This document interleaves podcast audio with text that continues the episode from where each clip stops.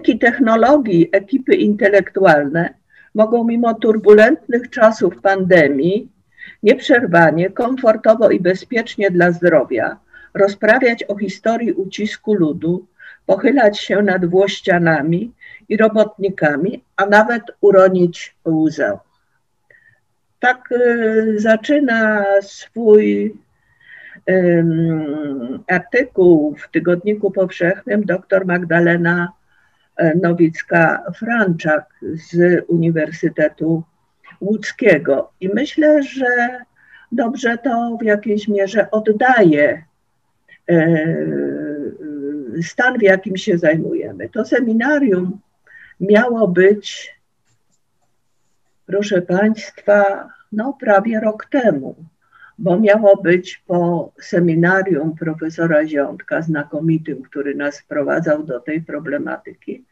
I potem w momencie, gdy mieliśmy odbyć to seminarium z panem e, doktorem e, Żukowskim, z panem profesorem Żukowskim, e, no, odwołano nas, wprowadzono stan pandemiczny.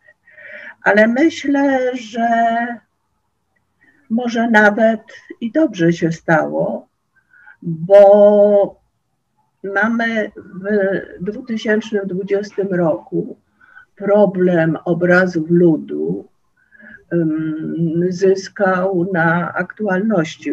Ukazało się kilka ukazało się kilka e, publikacji, publikacji bardzo ważnych, które zintensyfikowały tę, tę dyskusję, dyskusję nieobojętną.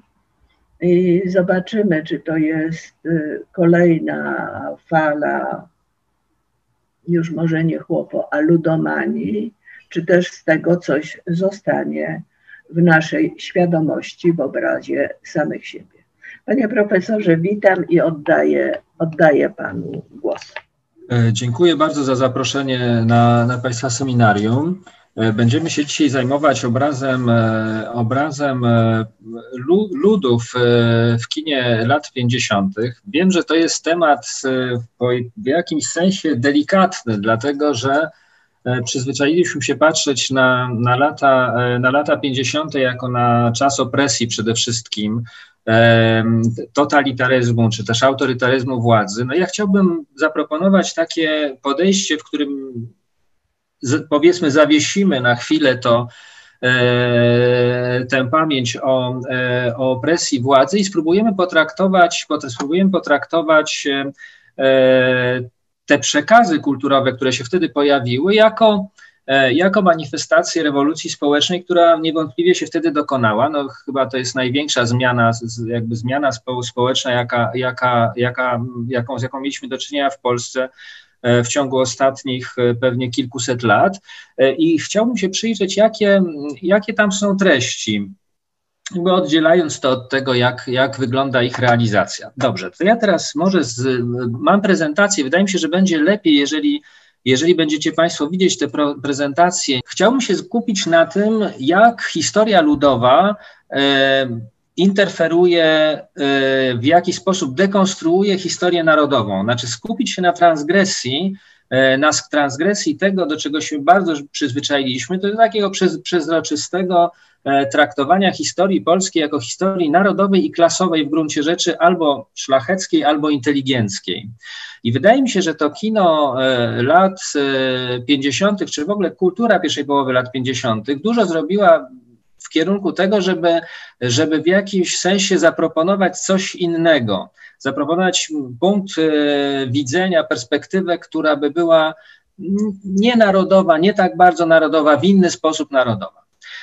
I teraz chciałbym zacząć od książki Marcina Zaręby, którą na pewno wszyscy Państwo znacie, i od tego, w jaki sposób traktowana jest e, sprawa narodu w, e, w e, historiografii współczesnej ostatnich 10-15 lat. Wydaje mi się, że panuje tam dosyć jednomyślne przekonanie, że z jednej strony władza komunistyczna była nienarodowa, z drugiej strony używała nacjonalistycznej legitymizacji w sposób instrumentalny.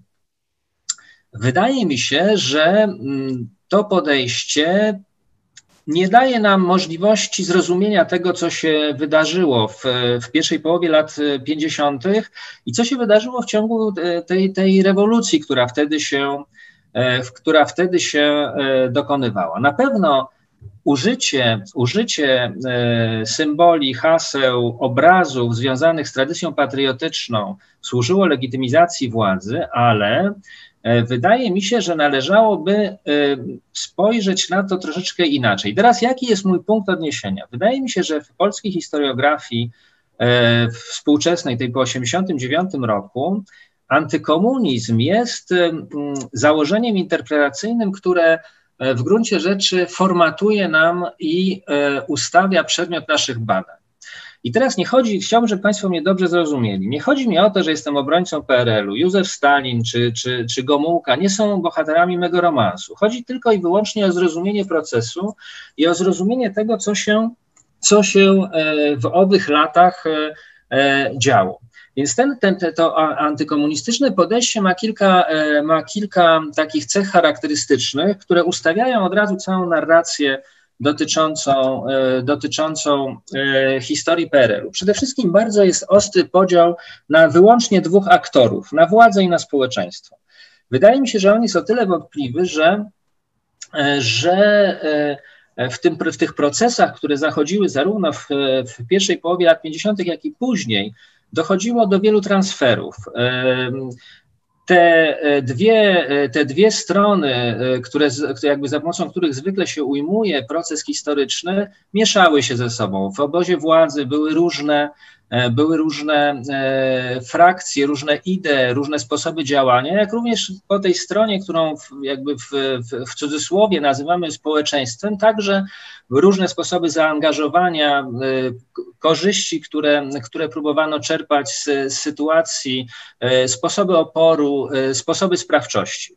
Także jest takie przekonanie, które, które u wielu historyków można, e, można spotkać, że istnieje jakaś istota komunizmu, która, która, e, która e, jest charakterystyczna dla całego okresu PRL-u. Zwykle ją się bardzo moralnie ocenia i jakby nie, nie widać różnic, jakby różnic pomiędzy, pomiędzy, pomiędzy poszczególnymi okresami. I wtedy, tak na przykład Marcin Zaręba cytuje na jednej stronie E, Bieruta na, i zaraz potem Gomułkę jako, jako dowody na, e, na e, podobne używanie, używanie pojęcia narodu. Tymczasem wydaje się, że można dostrzec zasadnicze różnice w projektach, w sposobach rozumienia, w, w sposobach używania tego pojęcia i różnych innych pojęć między, między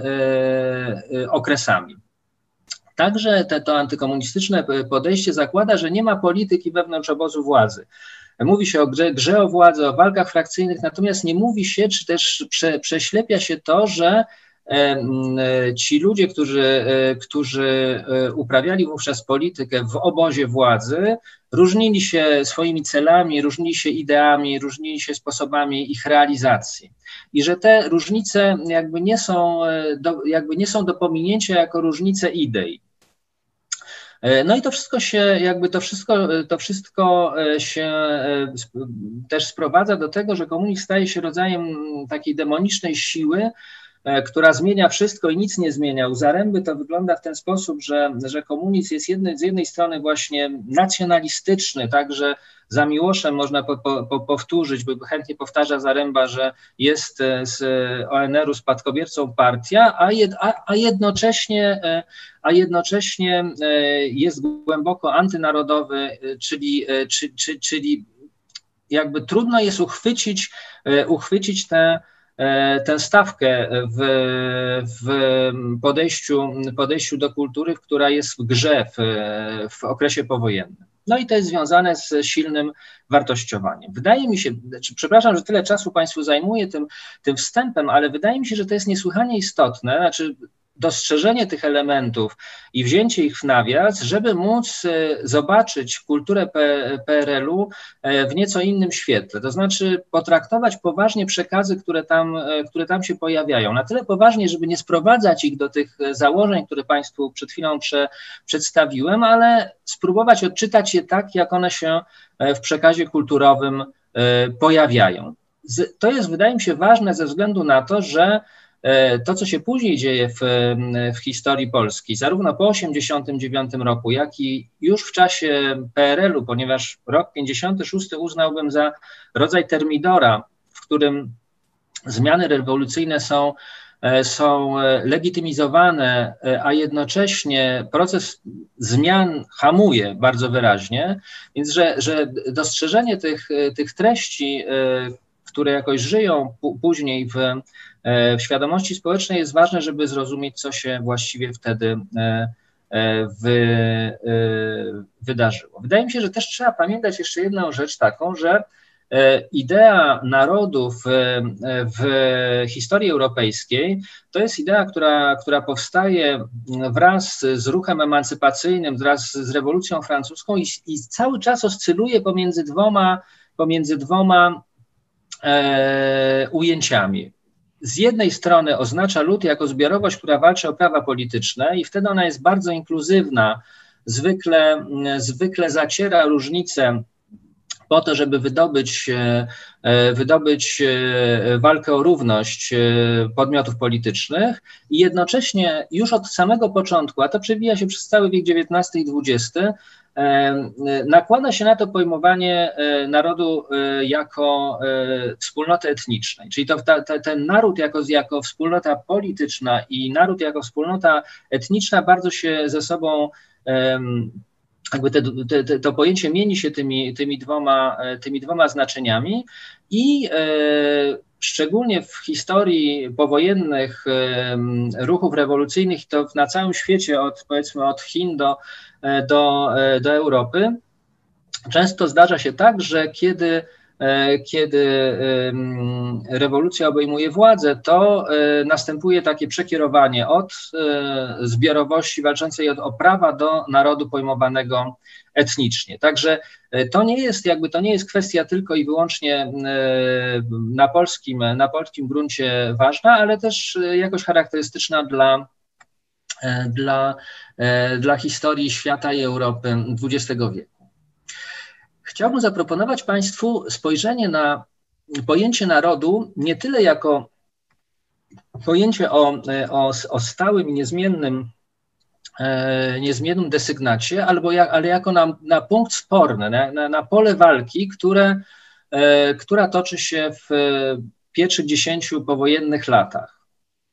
Wydaje mi się, że, e, że pomyłka, czy też niedopatrzenie metodologiczne Marcina Zaręby polega na tym, że on uży, jakby używa, czy interpretuje fragmenty, w których pojawiają się obrazy, pojęcia czy też e, symbole narodowe, tak jakby ich treść była niezmienna. Tymczasem to, co obserwuję, patrząc na literaturę i na kulturę, na kino lat, lat 50., czy też późniejsze w, w okresie PRL-u, e, to jest ciągła, ciągły spór o zdefiniowanie pojęcia narodu. To znaczy dla e, różnych uczestników e, gier społecznych, gier władzy, to słowo znaczy co innego. I teraz stawką tego, jakby te, te, te, tego sporu jest nadanie pojęciu narodu pewnej, pewnej treści. I te treści między sobą bardzo się różnią. I teraz mamy, mamy po jednej stronie tradycję międzywojenną, tradycję też romantyczną, która bardzo, bardzo była silna w przedwojennej szkole. E, mamy tradycję e, narodowej demokracji oraz, e, oraz walki niepodległościowej zarówno AK, jak i Narodowych Sił Zbrojnych. Także Kościół, który bardzo, jakby bardzo silnie definiuje pojęcie narodu jako, jako narodu katolickiego, Mm, tuż po wojnie, i z drugiej strony mamy, e, mamy e, po stronie, po stronie rewolucji wiele usiłowań przedefiniowania, przedefiniowania tych pojęć, nadania im, ich, im innych, e, innych znaczeń. I teraz, jeżeli spojrzymy od strony, e, od strony e, tego procesu na, na na przykład teksty, które, które przywołuje Marcin Zaręba, to okazuje się, że nie można ich interpretować tak, jak, jak on to proponuje, dlatego że treści, które powiedzmy, nie wiem, e, Bolesław Bierut e, zapodaje, kiedy, kiedy mówi o narodzie, są rzeczywiście dużo, jakby zupełnie inne niż, niż kiedy tego samego słowa używa kardynał Chląd.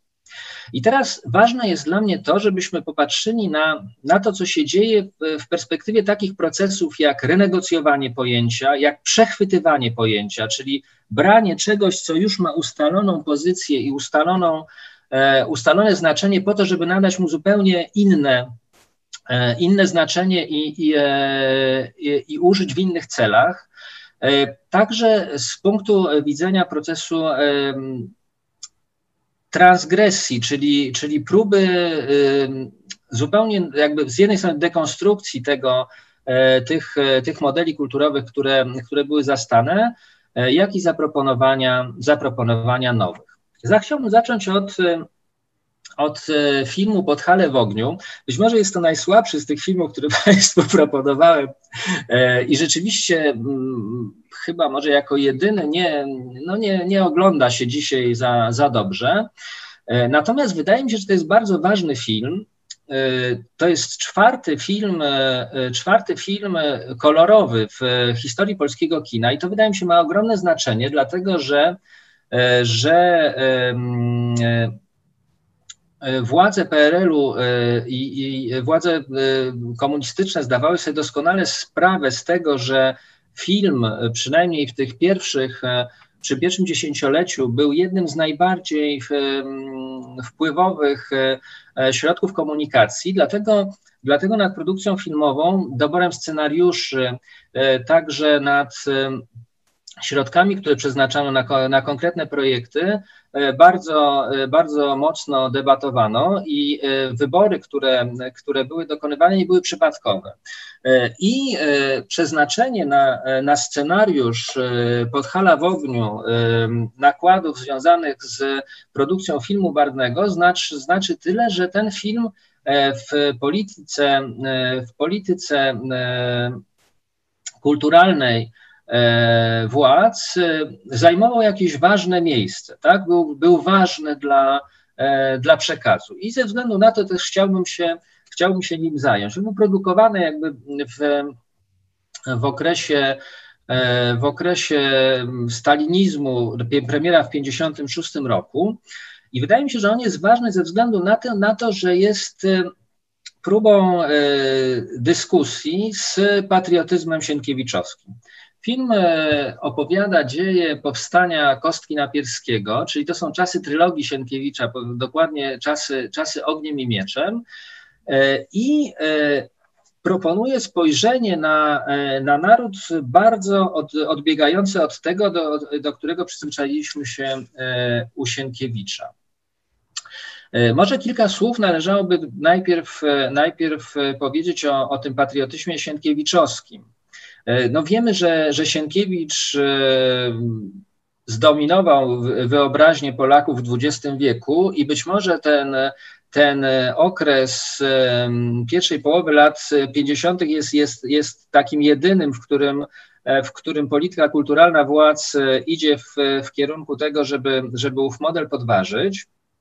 Jak wiemy, e, od 60 roku, od Krzyżaków Forda zaczyna się E, powrót Sienkiewicza razem z, z ekranizacjami, ekranizacjami Hoffmana.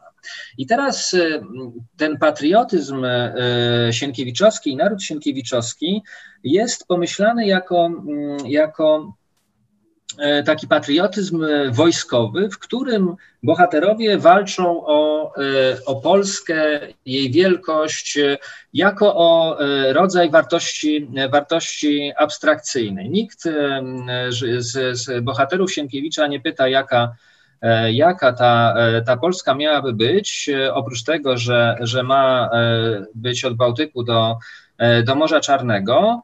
Ginie w tym obrazie konflikt społeczny zupełnie i ono podsuwa właśnie taką tradycję szlachecką i tradycję mężczyzn walczących o mężczyzn walczących o o, o, wielkość, o wielkość Rzeczpospolitej jako, jako, jako, najwyższe, jako najwyższe e, wartości. Też warto zaznaczyć, że w tym obrazie, e, w tym obrazie mm, e, owi mężczyźni podziwiają samych, samych siebie i też zbiorowość podziwia, podziwia samą siebie, że niezależnie od wad, od wad e, postaci takich jak Kmicic, e, e, czy no, idąc, Boże, dobra, zostawmy, że, że niezależnie od tych wad udział w walce narodowo-wyzwolnej, jakby na, w walce o naród jest nobilitujący i w gruncie rzeczy znosi wszelkie pytania o to, jaka jest praktyka tej walki, jakie są praktyki społeczne, które, które za nią stoją.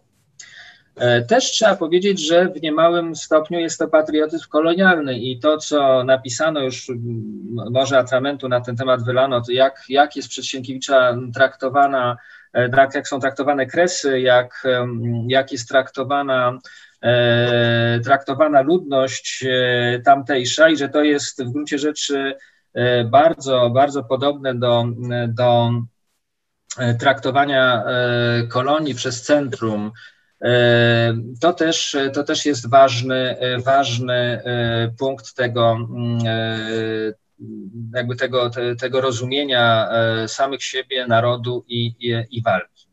Tymczasem Podhale w ogniu przynosi, przynosi taki, taki obraz, w którym na właśnie na pierwszą, na pierwszy moment, tutaj jest kilka, może powinienem to był najpierw dać, kilka obrazków, jak wyglądają ci, to dobra, tak, jak wyglądają ci, ci bohaterowie e, pod Halawogną.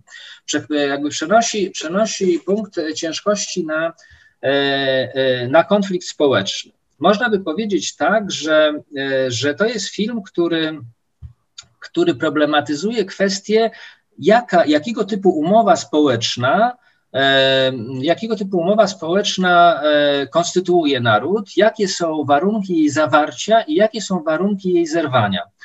Tutaj jednak muszę, e, muszę przejść. E, okazuje się, że wewnątrz tej wspólnoty, jaką, jaką jest naród, pojawia się konflikt. Polska XVII-wieczna po, po, pokazana jest jako kraj niesprawiedliwy.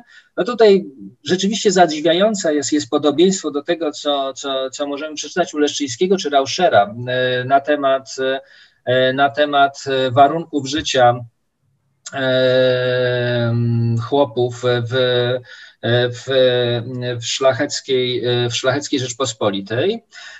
I teraz tradycja narodowa jako tradycja szlachecka staje pod znakiem zapytania. Pojawiają się takie pytania, czyja, czyja jest tradycja, kto jest jej spadkobiercą, jaka ona jest i jaka może być. I przechwycenie takiej strategii e, narracji przygodowo-awanturniczej znanej z, e, z Sienkiewicza służy temu, żeby wprowadzić na do kultury nowego bohatera.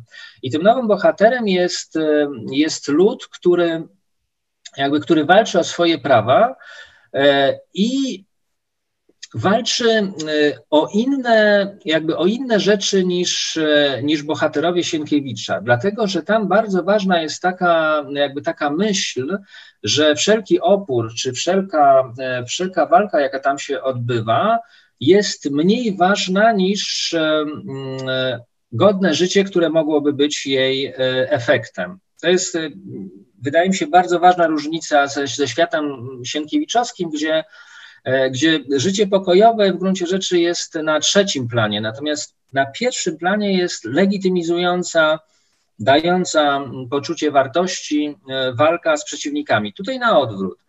E, tutaj jest tak, że, że mamy, mamy do czynienia ze światem, który, z bohaterami, którzy próbują stworzyć dla siebie warunki, warunki życia, w których e, mogliby się realizować, a, a walka, którą toczą, jest, e, jest czymś w rodzaju zła koniecznego.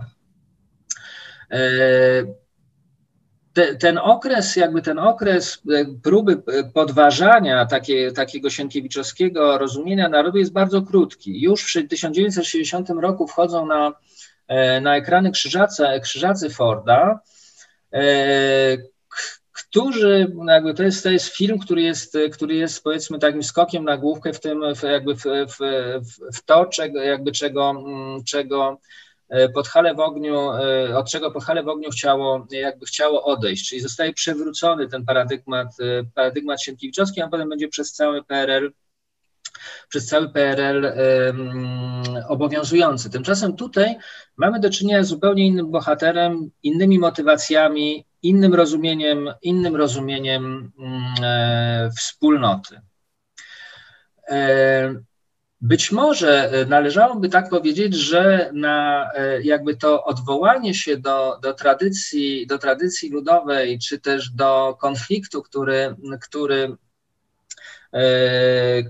który trwał w, jakby w polskim społeczeństwie przed wojną i w jej czasie, nie było tak bardzo, jakby to nie było tak bardzo E, pozbawione podstaw.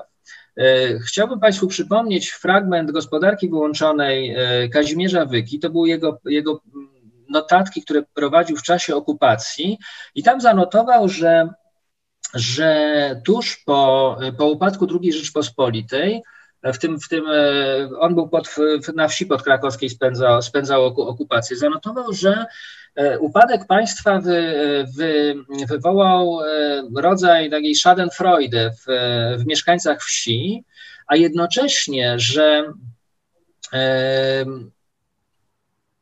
polit, jakby zmiana koniunktury rynkowej sprawiała, że Niemcy mogliby bardzo łatwo jakby do, do wykorzystać rozłam klasowy w polskim społeczeństwie po to, żeby, żeby przeciągnąć chłopców na, na, na swoją stronę. Jak pisze Wyka, to się nie udało ze względu na pogardę, jaką, jaką naziści mieli, mieli w stosunku do, do, do ludności polskiej. Natomiast ważne dla mnie jest to, że ten konflikt, o, o którym pisze Wyka i sposób jego zagospodarowania przez E, przez e, kino czy przez kulturę lat 50. odwołują się do czegoś, co, co wydaje mi się było realne w, e, w społeczeństwie lat 30., 40. i 50. w polskim społeczeństwie tych, tych lat. Chciałbym, jakby kontynuując to, to o czym mówię, przejść do, do, do kwestii redefiniowania tradycji i, i, i e, zaproponować Państwu przyjrzenie się dwóm, e, dwóm obrazom, mianowicie młodości Chopina i warszawskiej premierze. To są rzeczy wcześniejsze, bo to jest 52, 50. E, zrobiłem błąd u Forda, jest Ford, a nie Ford, przepraszam bardzo. E, 52, 51 rok. E, I teraz e, znowu to są dwa filmy, które sięgają do, e, do kwestii tego, jak się, definiuje, jak się definiuje naród, czym on może być. I w młodości Chopina, zarówno jak w warszawskiej premierze, że to w młodości Chopina jest dużo bardziej, dużo bardziej wyraziste konstytu, jakby konstytuowanie się nowoczesnego narodu e, w Polsce jest skorelowane z od, odkryciem świata społecznego poza kulturowym centrum. Od, odkrycie chłopów to jest. E, chłopów jako, jako wykluczonego i jako marginesu. E, tutaj chciałbym Państwu pokazać dwa takie, przepraszam za jakość tych, tych, tych, tych kadrów, ale szuk, szuk, jakby, kiedy to się ogląda w małym, że tak powiem, w małym w takim małym obrazku w CDA czy, czy na innych platformach, to to jeszcze jest e, bardzo jest czytelne. Natomiast jak chcecie się zrobić stop klatkę, to, to ta czytelność troszeczkę, troszeczkę spada. Więc, e, więc chciałbym powiedzieć taki, jakby taki fragment z młodości Chopina, kiedy Chopin jedzie do majątku jedne, jednego ze swoich przyjaciół i tam podczas spaceru gubi się. Gubi się i, i sekwencja, która, która, jakby, który, która potem następuje, jest niezwykle interesująca dla nas, dlatego że on znajduje się nagle na jakichś bagnach, e, w jakimś takim otoczeniu, które, które rzeczywiście jest, jest blisko geograficznie, ale wydaje się jakby niesłychanie niesłychanie obce przy tym i trafia trafia do, do pasterza, czyli do kogoś, kto jest, kto jest w gruncie rzeczy na, na samym dnie, na samym dnie hierarchii, zarówno narodowych, jak i, jak i wiejskich. I, i, I, to e, tutaj mamy właśnie tego, tego ślepca, pasterza, który jest troszkę wernychorą, który e, e, jest ślepy. I Chopin spędza tam, spędza tam z, z, z, z, tym człowiekiem wśród pasącym stado noc i słucha jego muzyki i słucha tego, co on mówi. Wydaje mi się, że to jest sekwencja w ogóle niesłychana, dlatego że ona trochę pokazuje Chopina jako, jako takiego człowieka, który nagle trafia w dorzecze Amazonki i od, jakby i odkrywa jakichś obcych, po prostu obcych, e, obcych, e, e, obcych pod nosem, obcych tuż obok. I wydaje mi się, że ta scena jest kluczowa dlatego, żeby, dla, dlatego jak, jak Ford rozumie biografię Chopina, jak rozumie jego muzykę i jak też rozumie tę muzykę jako jako uosobienie tego, jakby, jakby tego, co narodowe. Więc e, myślę, że, że to spotkanie sprawia, że, że Chopin próbuje stworzyć e, w kulturze takie miejsce, w którym, które byłoby inkluzywne, w którym, w którym ten wykluczony polskiej kultury, czy w ogóle europejskiej kultury wówczas mógłby się znaleźć. I tak to pokazuje Ford w roku 50, 52. E, nie tylko to jest kwestia, nie tylko to jest kwestia tego spotkania właśnie z, z pasterzem, też jest niesłychanie ciekawa sekwencja, e, kiedy Chopin w, trafia na wesele, na wesele wiejskie. E, no oczywiście nagranie jest zrobione w studiu przy, przy pomocy orkiestry symfonicznej, ale jak się tego dzisiaj słucha, to naprawdę jakby ta ścieżka dźwiękowa bardzo przypomina to, co możemy E, co możemy mm, e, usłyszeć w, w serii Muzyka odnaleziona Bienkowskiego. Też bardzo jest e, mocny akcent na rytm który, tancerzy w, w sali weselnej. Jednym słowem, kultura narodowa jako taka kultura, która, która stwarza ikonę tego, co nasze, powstaje wtedy, kiedy się włącza w jej obręb tych, którzy są, e, tych, którzy są wykluczeni. I to jest bardzo, jakby to jest bardzo ważne, to jest, to jest ta scena z wesela. To jest bardzo ważny element e, dla Forda, taki konstytutowny element dla Forda e, biografii Chopina. I teraz jak to dalej, jak to dalej się, się toczy? Otóż w ten sposób, że, że punktem dojścia tego procesu jest etiuda, jest etiuda rewolucyjna.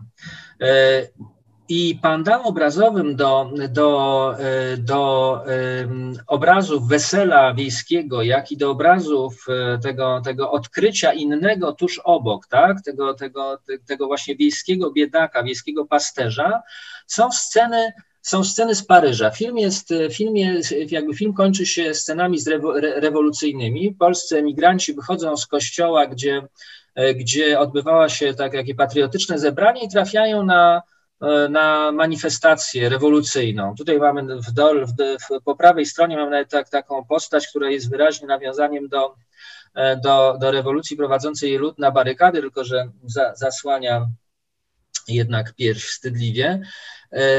I e, wyraźnie to jakby to e, ta obietnica równości i rewolucja jako jej realizacja oraz to, co narodowe, łączą się, łączą się w tym projekcie i łączą się też w takim projekcie e, przedefiniowania, przedefiniowania romantycznej tradycji. Czyli, czyli widzimy, że, że naród w takim rozumieniu, w jakim, w jakim młodość Chopina go, go, to, to, go ustawia, to jest zupełnie coś innego niż, niż powiedzmy sobie naród, e, e, naród katolicki czy też e, taki naród, w którym, hierarchie będą, e, będą stałe, tyle tylko, że jakoś harmonijnie w, w nim e, istniejące. O, tutaj mamy właśnie polskich patriotów wychodzących z manifestacji z robotnikiem, z robotnikiem, z robotnikiem paryskim.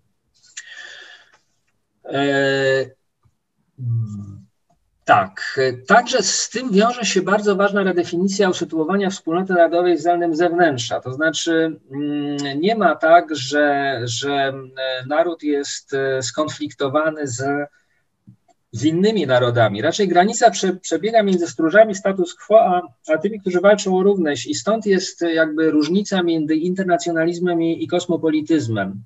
Znaczy ten internacjonalizm wynika, jakby wynika bezpośrednio jakby z tego projektu narodu jako, jako, jako wspólnoty, która znosi nierówności i jest przyjazna w, jakby w, w, względem wszystkich innych takich, takich wspólnot, tak, za jakby połączona z nimi wspólnymi celami. I teraz bardzo ciekawe też jest, jest spojrzenie na zupełnie ten sam problem, problem w warszawskiej premierze, I tutaj e, chciałbym Państwu zwrócić uwagę na, na motyw Halki, bo to jest e, film o Moniuszce. No, takie dwa filmy powstały rok po roku, jeden, jeden właśnie o Moniuszce, drugi o, o Chopinie, czyli jakby o takich dwóch ikonach polskości. I chodzi o premierę Halki w Warszawie.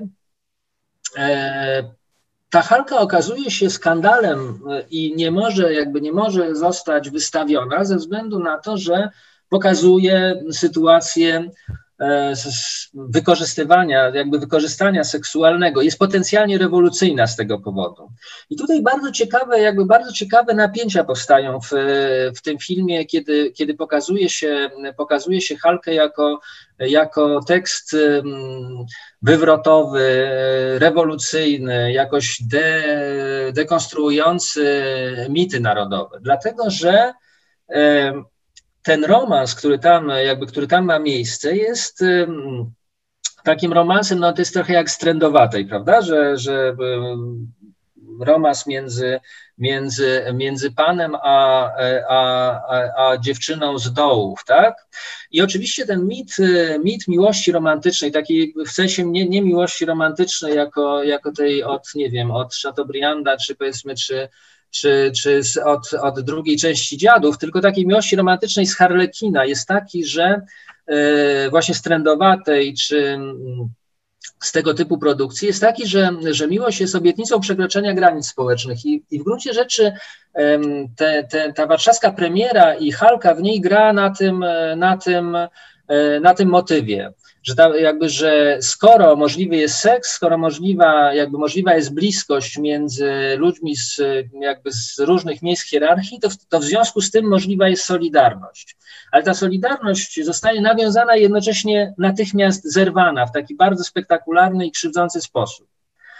E, I też tutaj jest, jest ważna sprawa jakby faktycznej więzi rodzinnej i zradzonych więzów krwi. Dlatego, że jak się spojrzy na, na, te, na, ten, na tę warszawską premierę, już może z, z naszej dzisiejszej perspektywy, ale też myślę z perspektywy, która była dla, e, zarówno dla e, twórców warszawskiej premiery, jak i dla, dla odbiorców była jasna, e, czyli z takiej perspektywy, jaką opisuje Michał Garapik w Dzieciach Kazimierza, no to okazuje się, że, mm, że ta wieś Garapichów e, to jest, e, to jest wieś, w której żyją e, obok siebie bracia i siostry jednego ojca, którzy jednakowo nie należą do ani do tej samej klasy społecznej, ani do, ani, ani do tej samej sfery, tak? ani, do tej, ani, ani do tej samej rodziny.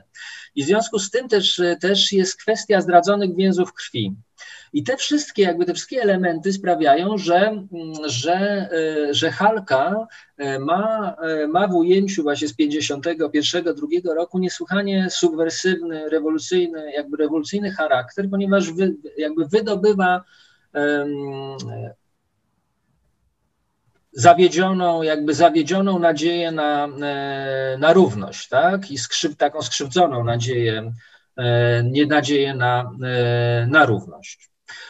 Chciałbym tutaj jeszcze tak e, e, zupełnie margine, marginesowo zwrócić uwagę Państwa na, na film, który właściwie nie ma, nie ma za bardzo e, związku z, z tematem ludowym, ale też jest ważny ze względu na to, że na temat równości, mianowicie na załogę z 52 roku. To jest film o o załodze Daru, Daru Pomorza, o, o studentach szkoły morskiej w Gdyni, i wśród nich jakby odbywa się tego rodzaju, e, tego rodzaju konflikt, że mamy tam e, syna, e, jakby syna rodziny inteligenckiej, który ze względu na swoje kontakty i, i, i jakby wczesną, wcześniejszą znajomość nauczycieli akademickich może pozwolić sobie na E, na bumelowanie i z, z chłopcami z, z innych środowisk, też z, jakby z, z awansu, którzy możą bardzo się wysilać, żeby, żeby, e, żeby zdać egzaminy. E, I w kumulacyjnej, takiej najważniejszej, kluczowej scenie tego filmu studenci muszą poprowadzić statek. No i okazuje się, że, że ten, ten chłopak, który, który tam nie przykładał się do nauki, no nie jest w stanie tego zrobić.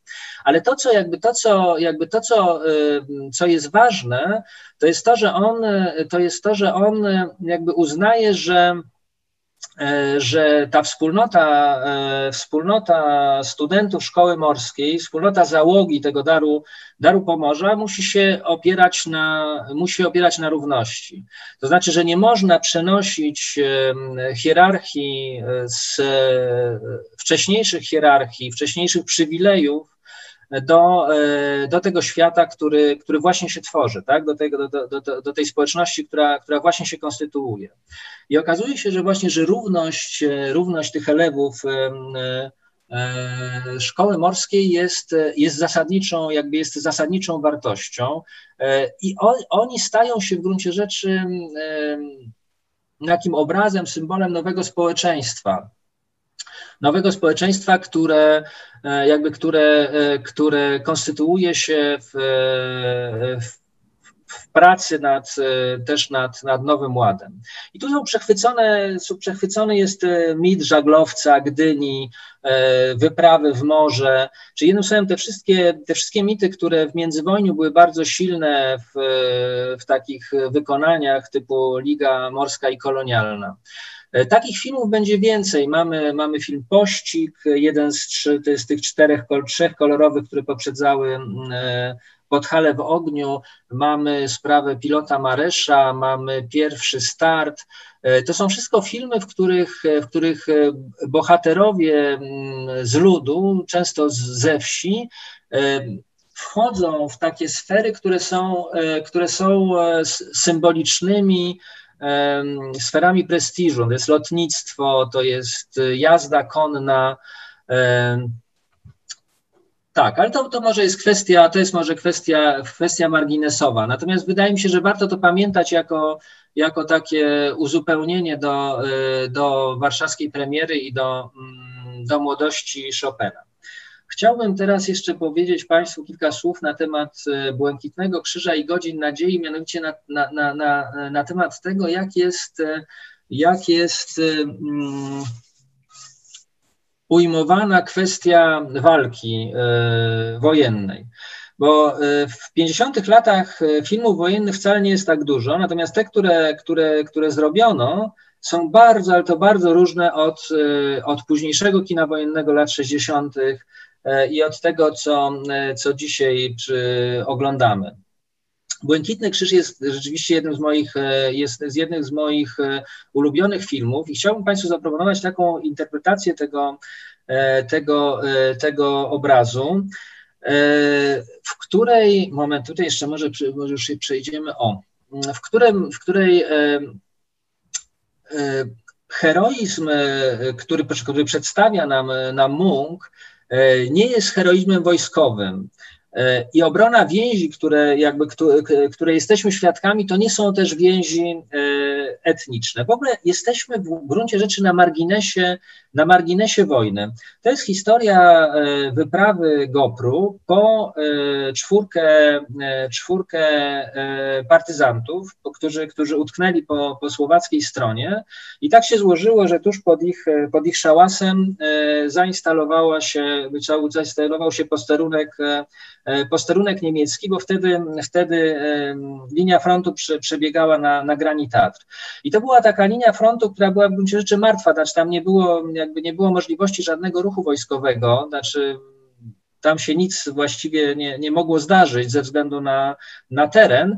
E, natomiast e, ci, ci ratownicy GoPru e, decydują się na, na wyprawę po to, żeby uratować tych czterech, tych czterech, czterech rannych, którzy, jakby, którzy bez, bez tej pomocy musieliby tam, musieliby tam zginąć. To jest właściwie film wojenny, w którym nikt nie ginie, w którym sceny walki są ograniczone do, do niezbędnego minimum, znaczy naprawdę do minimum. Natomiast jest to film, w którym mówi się pięcioma językami. E, te kwestie nie są tłumaczone. Jest, jest lektor, który, który po polsku nam relacjonuje tę historię. To jest świetna, świetna rola Cholubka. I mamy bohaterów, którzy mówią po słowacku, w gwarze podhalańskiej, po niemiecku i po rosyjsku. I okazuje się, że ta jakby ta wieża Babel, która tam, która tam, e, której jesteśmy, jakby jest, którą oglądamy, trzyma się na, mm, e, na takiej więzi, która ja bym ją określił jako, e, jako próbę obrony takiej podstawowej, jakby podstawowej radości życia.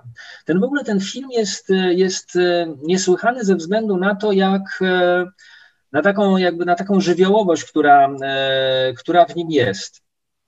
E, może, żeby ją Państwu uzmysłowić, opowiem, opowiem Państwu taki, e, taki fragment, kiedy, kiedy dochodzi do walki. Otóż ten konwój z rannymi, ranni są na toboganach, jeden z nich może iść o własnych siłach, spina się, spina się na grań, żeby, prze, jakby, żeby przekroczyć przełęcz, a dwóch, e, jakby dwóch e, e, uczestników tej wyprawy zostaje przy mostku, to jest ten mostek, to jest, to jest granica zasięgu karabinu maszynowego, który jest na przełęczy, czyli to jest miejsce, do którego Niemcy mogą podejść bezpiecznie i z którego mogą prowadzić ogień, po to, żeby ich tam zatrzymać, żeby im nie uniemożliwić strzelanie do, ty, do tych rannych.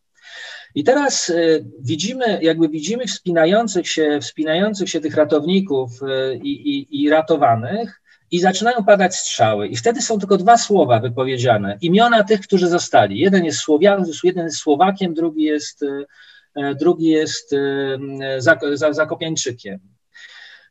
I nie wiemy, co się z nimi dzieje, tak? Nie wiemy, co się z nimi dzieje, widać tylko te strzały, słychać tylko te strzały. I potem, kiedy już tam ci przekraczają, jakby przekraczają przełęcz, tych dwóch okazuje się całych i zdrowych, dołącza do nich, zjeżdżając na nartach e, e, do tej grupy.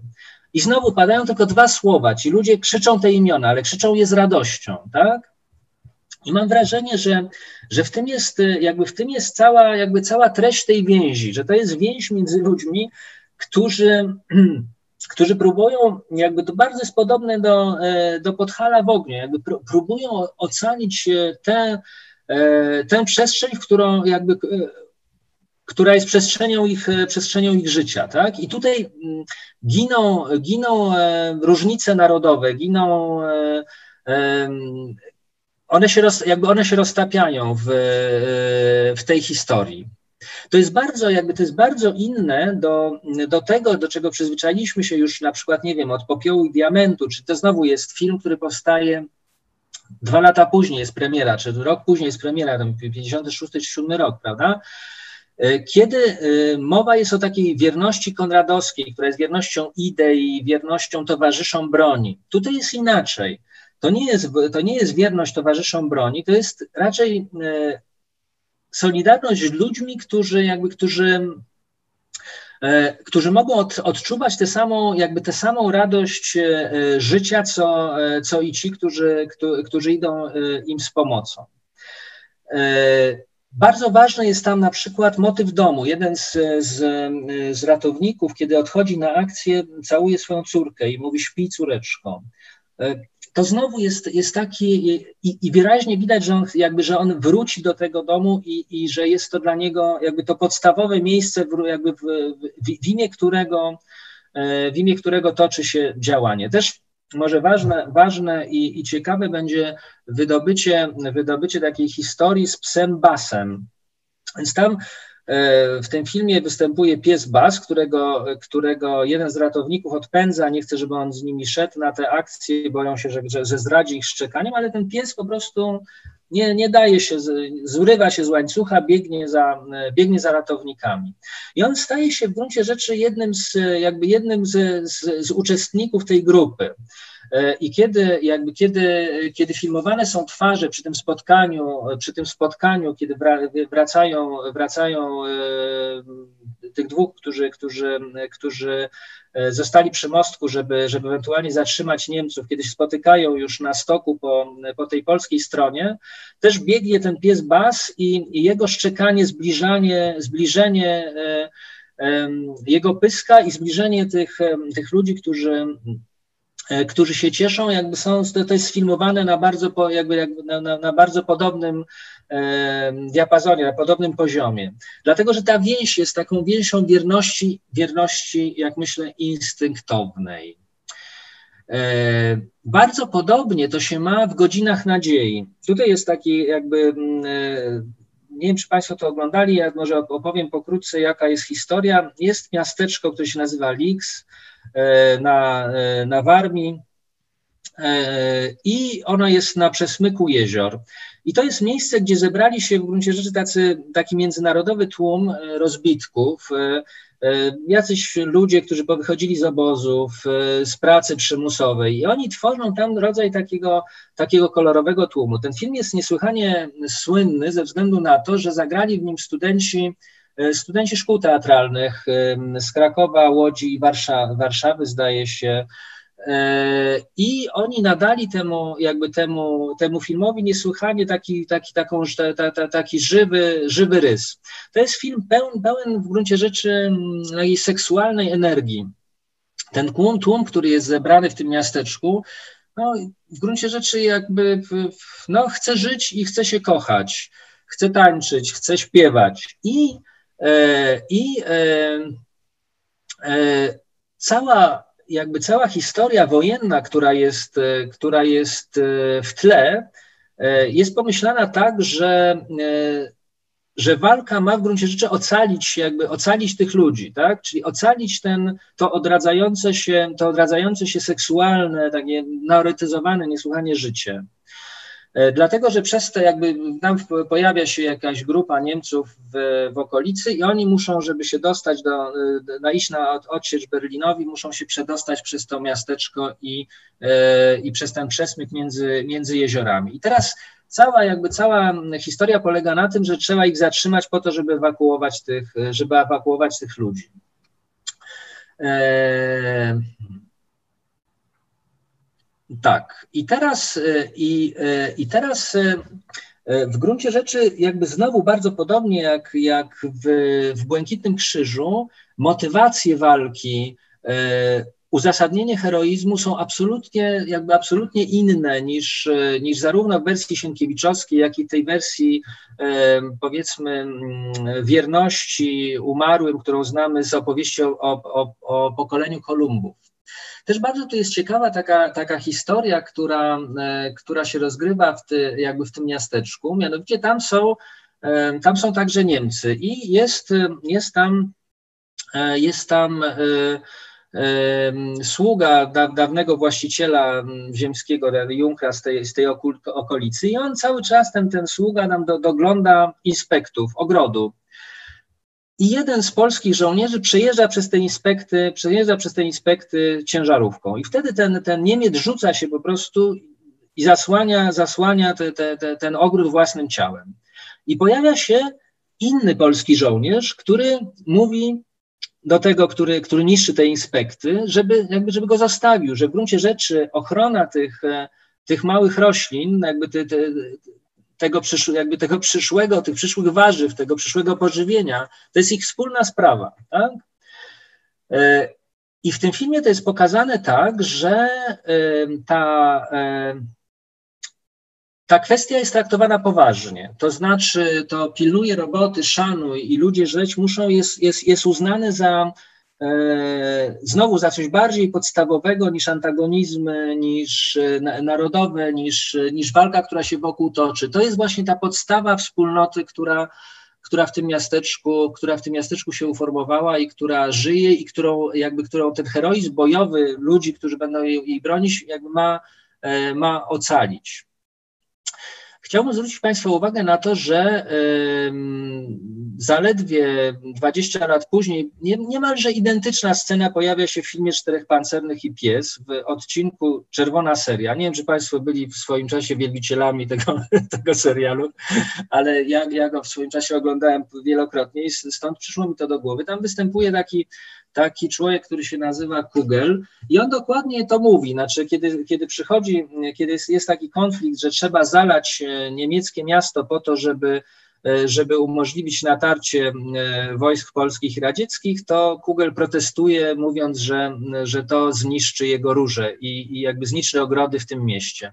No i oczywiście to jakby Kugel jest, jest śmieszny i jest, to jest o, oznaka jego małości moralnej. Tymczasem właśnie w e, te 20 lat wcześniej to jest kwestia, która, e, która staje się e, ważna dla, dla, definicji, dla definicji wspólnoty. Podobnie bardzo, bardzo inaczej są potraktowane wdowy, matki, dzieci, a także kochankowie w tej historii godziny nadziei. Dlatego, że jedną, jedną z może zacznijmy od tego. Nie wiem, czy Państwo sobie przypominają, przypominają film Katyn Andrzeja Wajdy, który jest takim tekstem, powiedzmy, konstytutywnym, które wszystkie stereotypy e, polskiego heroizmu E, takiego tra, tradycyj, tradycyjnie narodowego są, e, są e, po prostu do, do ściany aż tak do, dociśnięte. I tam jest taka scena, kiedy, kiedy jeden z głównych bohaterów jeszcze przed deportacją w głąb Rosji spotyka swoją żonę razem z dzieckiem, która przyjeżdża do tego, do tego miejsca, gdzie on jest, po to, żeby go stamtąd wyciągnąć, bo jak wiadomo, nie jest w czasie okupacji łatwo i dobrze jest, jak są oboje rodzice E, jak są oboje rodzice w domu, ale on mówi nie, nie, ja muszę zostać ze swoimi, ja muszę zostać ze swoimi kolegami. No i te, te, te wdowy, te wdowy e, matki i dzie, porzucone matki i dzieci w gruncie są taką, takim marginesem tej polskiej historii narodowej, tak jak, jak się ją opowiada w dzisiejszym mainstreamie, tak? No i też jak to się opowiadało jeszcze od wiersza, od wiersza matka, matka Polka Mickiewicza. Tymczasem tutaj E, w 50 mm, e, którymś roku e, okazuje się, że sprawa uratowania romansu, tam są takie, takie, takich dwu, dwo, dwoje aktorów, którzy, których łączy miłość, jeden z nich jest ranny i trzeba go ewakuować czy, lub, lub też zoperować po to, żeby, jakby, żeby ten związek mógł się utrzymać. No i okazuje się to ważną bardzo stawką tej akcji. E, podobnie jak właśnie los dzieci i matek, które, tak, jakby, które, tam są, które tam są zebrane. To jest znowu bardzo, jakby bardzo jakby w rozumieniu wspólnoty i priorytetów, e, e, heroizmu, który, który, który dobrze, który za nią stoi.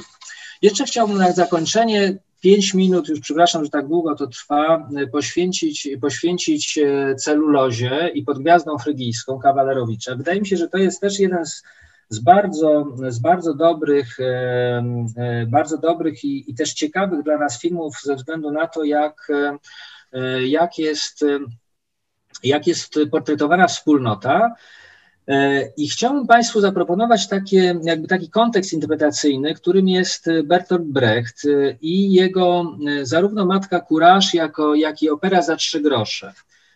To w matce, weźmy taką scenę z, mat, z matki Kuraż, mianowicie, mianowicie scenę targowania się o życie jednego z jej synów.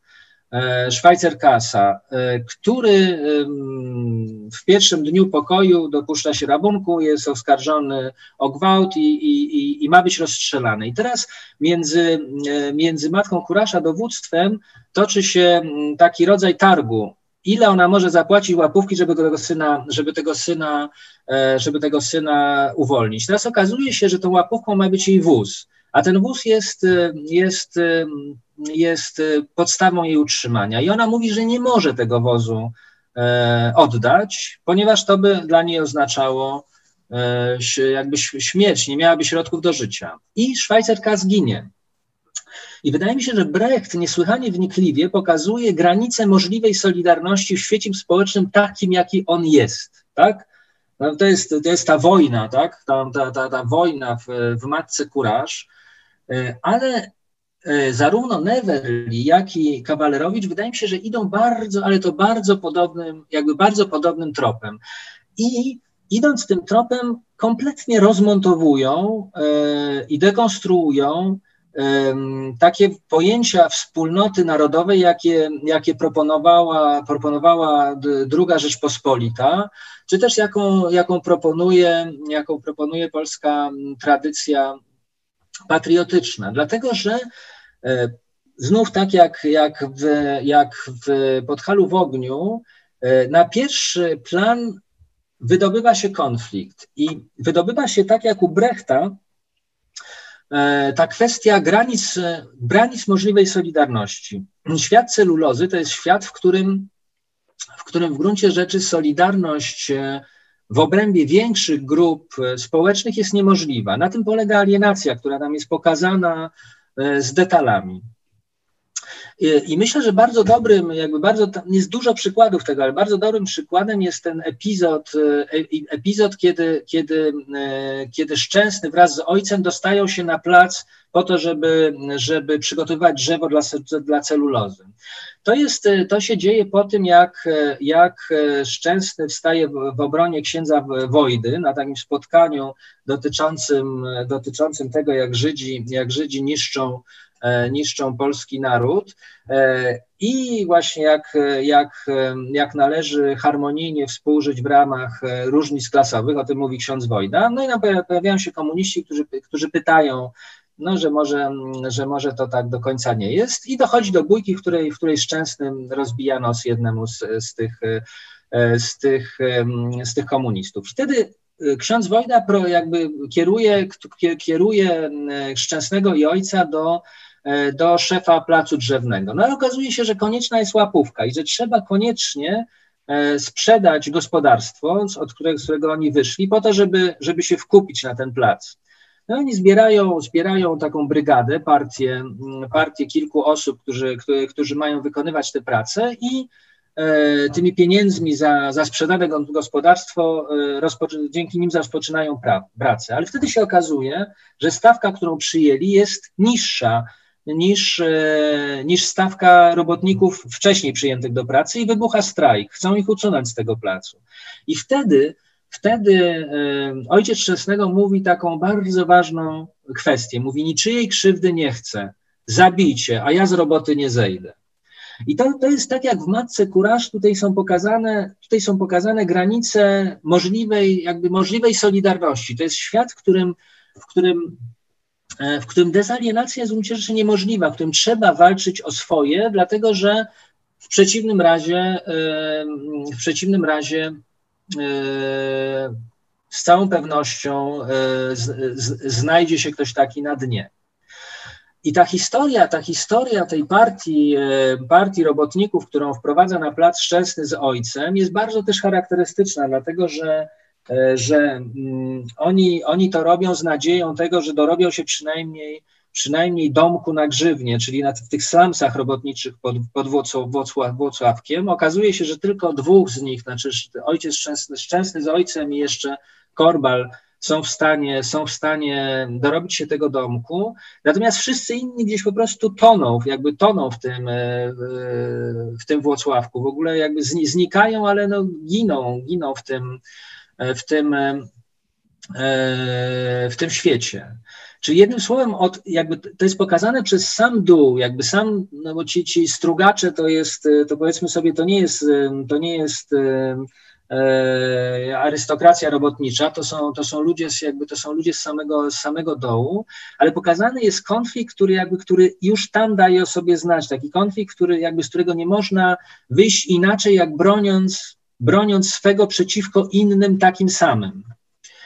E, I myślę, że to ujęcie jest bardzo, bardzo krytyczne i subwersywne wobec, wobec, wszelkich, e, wobec wszelkich propozycji mówienia o, e, o wspólnocie narodowej, która, które tam się pojawiają. I też bardzo ciekawe jest to, że, że nawet awans społeczny, który tam jest pokazany, bo, bo istnieje ten awans społeczny, Korbal bardzo, jakby bardzo się wznosi jakby od, od robotnika do, e, do wręcz posła e, i, e, i członka Rady Miejskiej, czy też brat Szczęsnego, który, który zdobywa który zdobywa pracę przy maszynach, dobrze płatną pracę przy maszynach, ale zawsze te, jakby te, ten, ten, te, ta, jakby te, to polepszenie statusu materialnego i społecznego wiąże się z pewnym cieniem.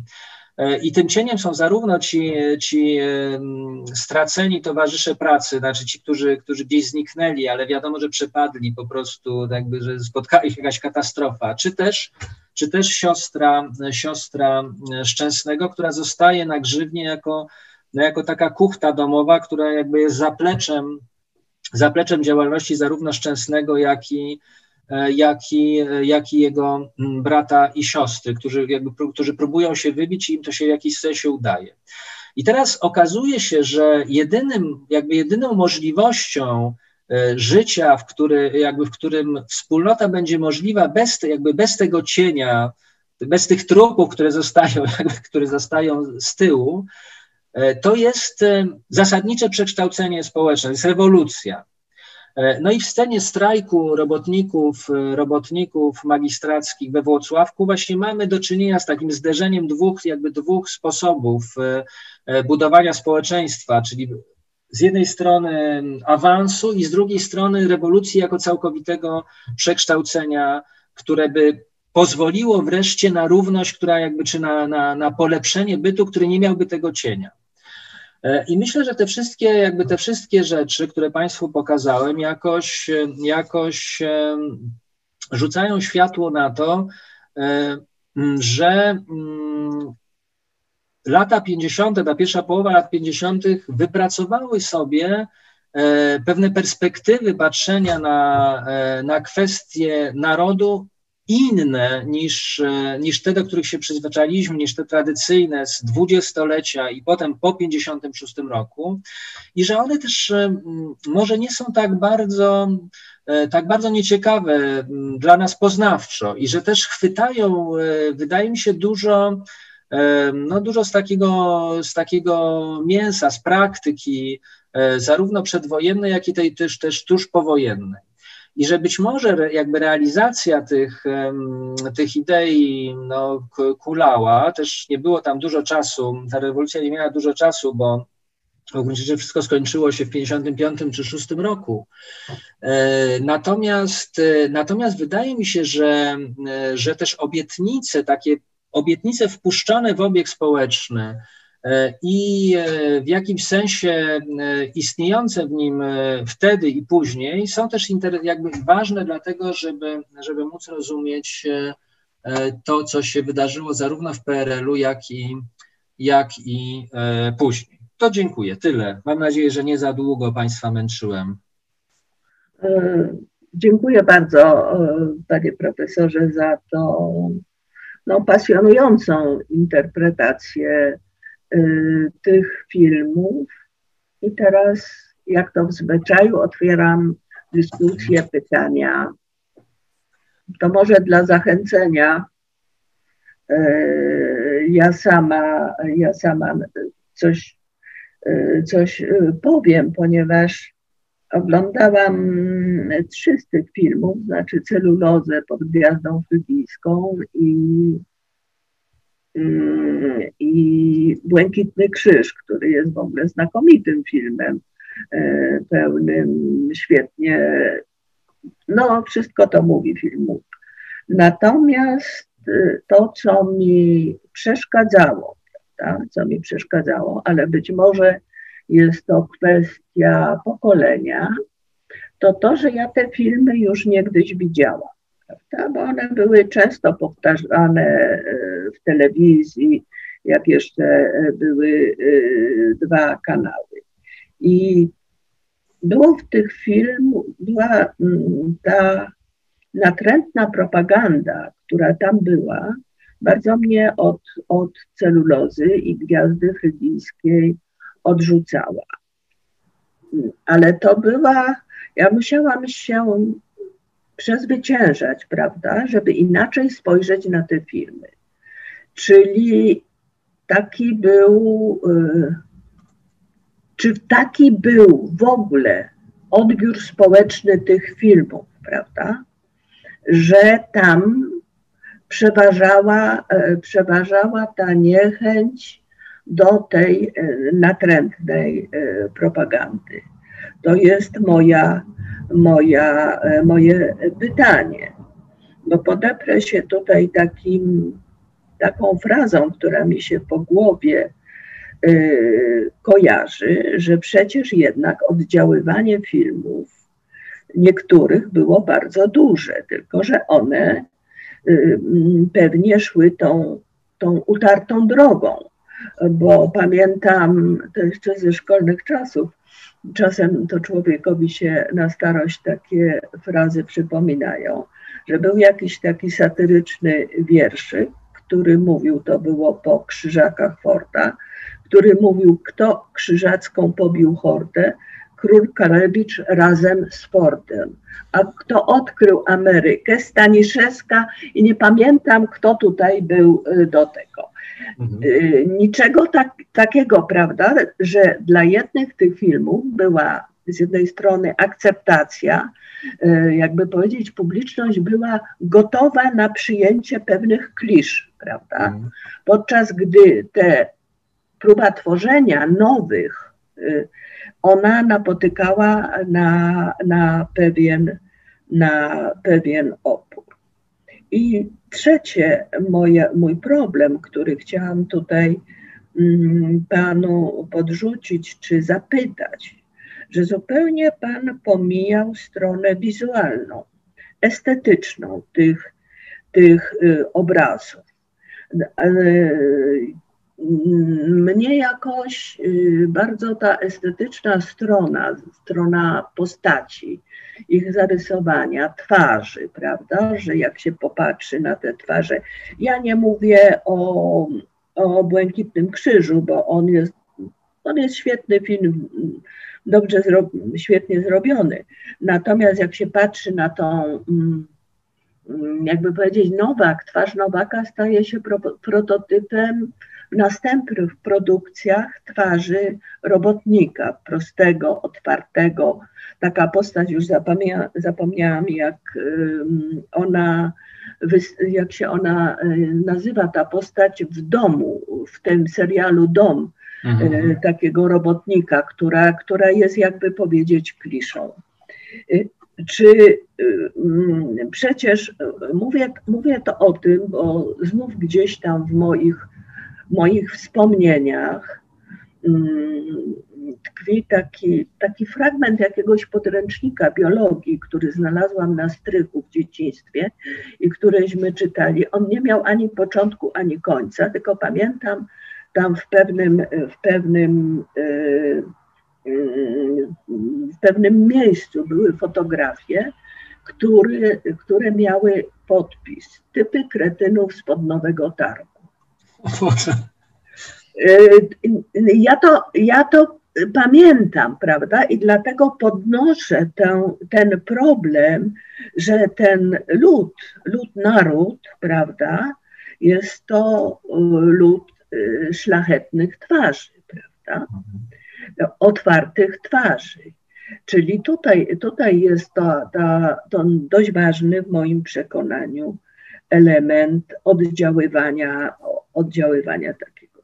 I, I, muszę powiedzieć, że to, to ja, ja na razie tyle dziękując y, za to świetne pobudzenie tej dyskusji. Zapraszam Państwa do, do dalszych pytań i dyskusji.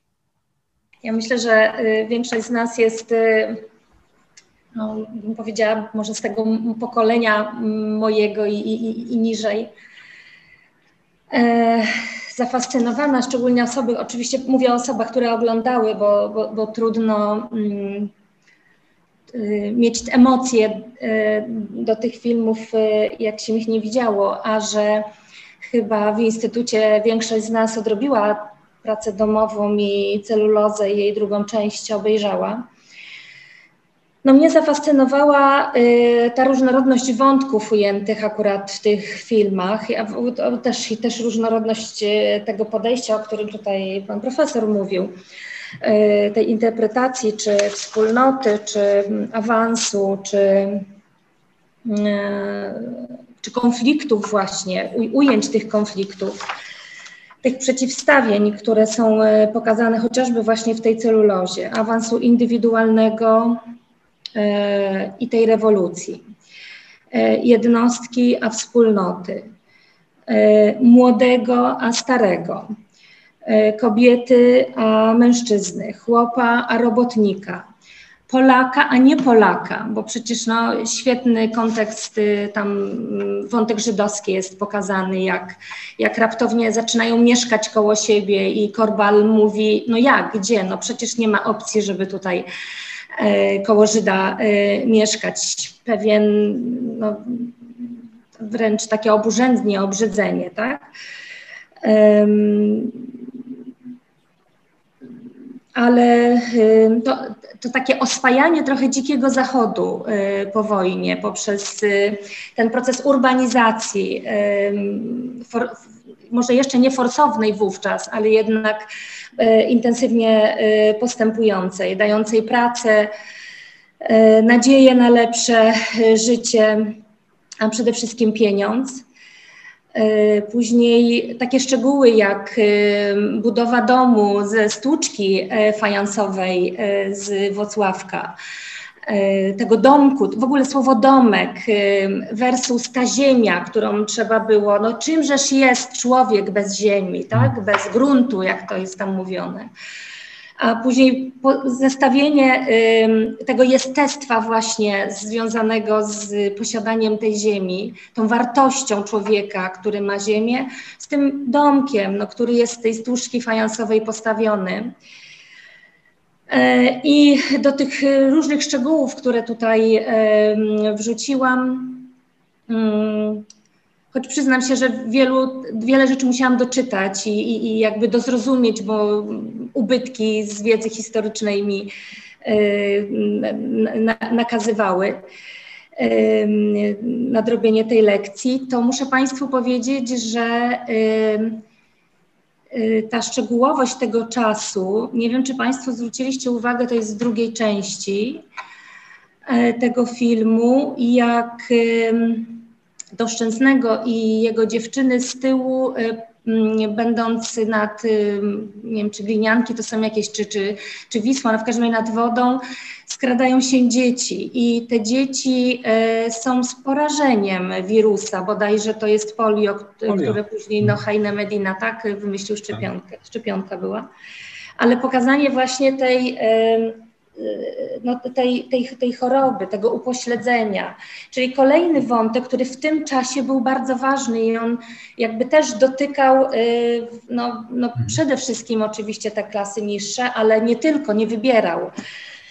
Także ta różnorodność w mojej głowie zrobiła niesamowity zamęt. Ja y, tymi emocjami się z kilkoma osobami dzieliłam jeszcze w zeszłym tygodniu y, i właściwie nie ukrywam, że uporządkował mi pan profesor e, pewne, pewne kwestie, ale faktycznie widzę i tu o to bym chciała się pana zapytać, bo zachęcił nas pan e, w tym swoim opisie e, takim sformułowaniem, że jakżeż jest on dziś aktualny.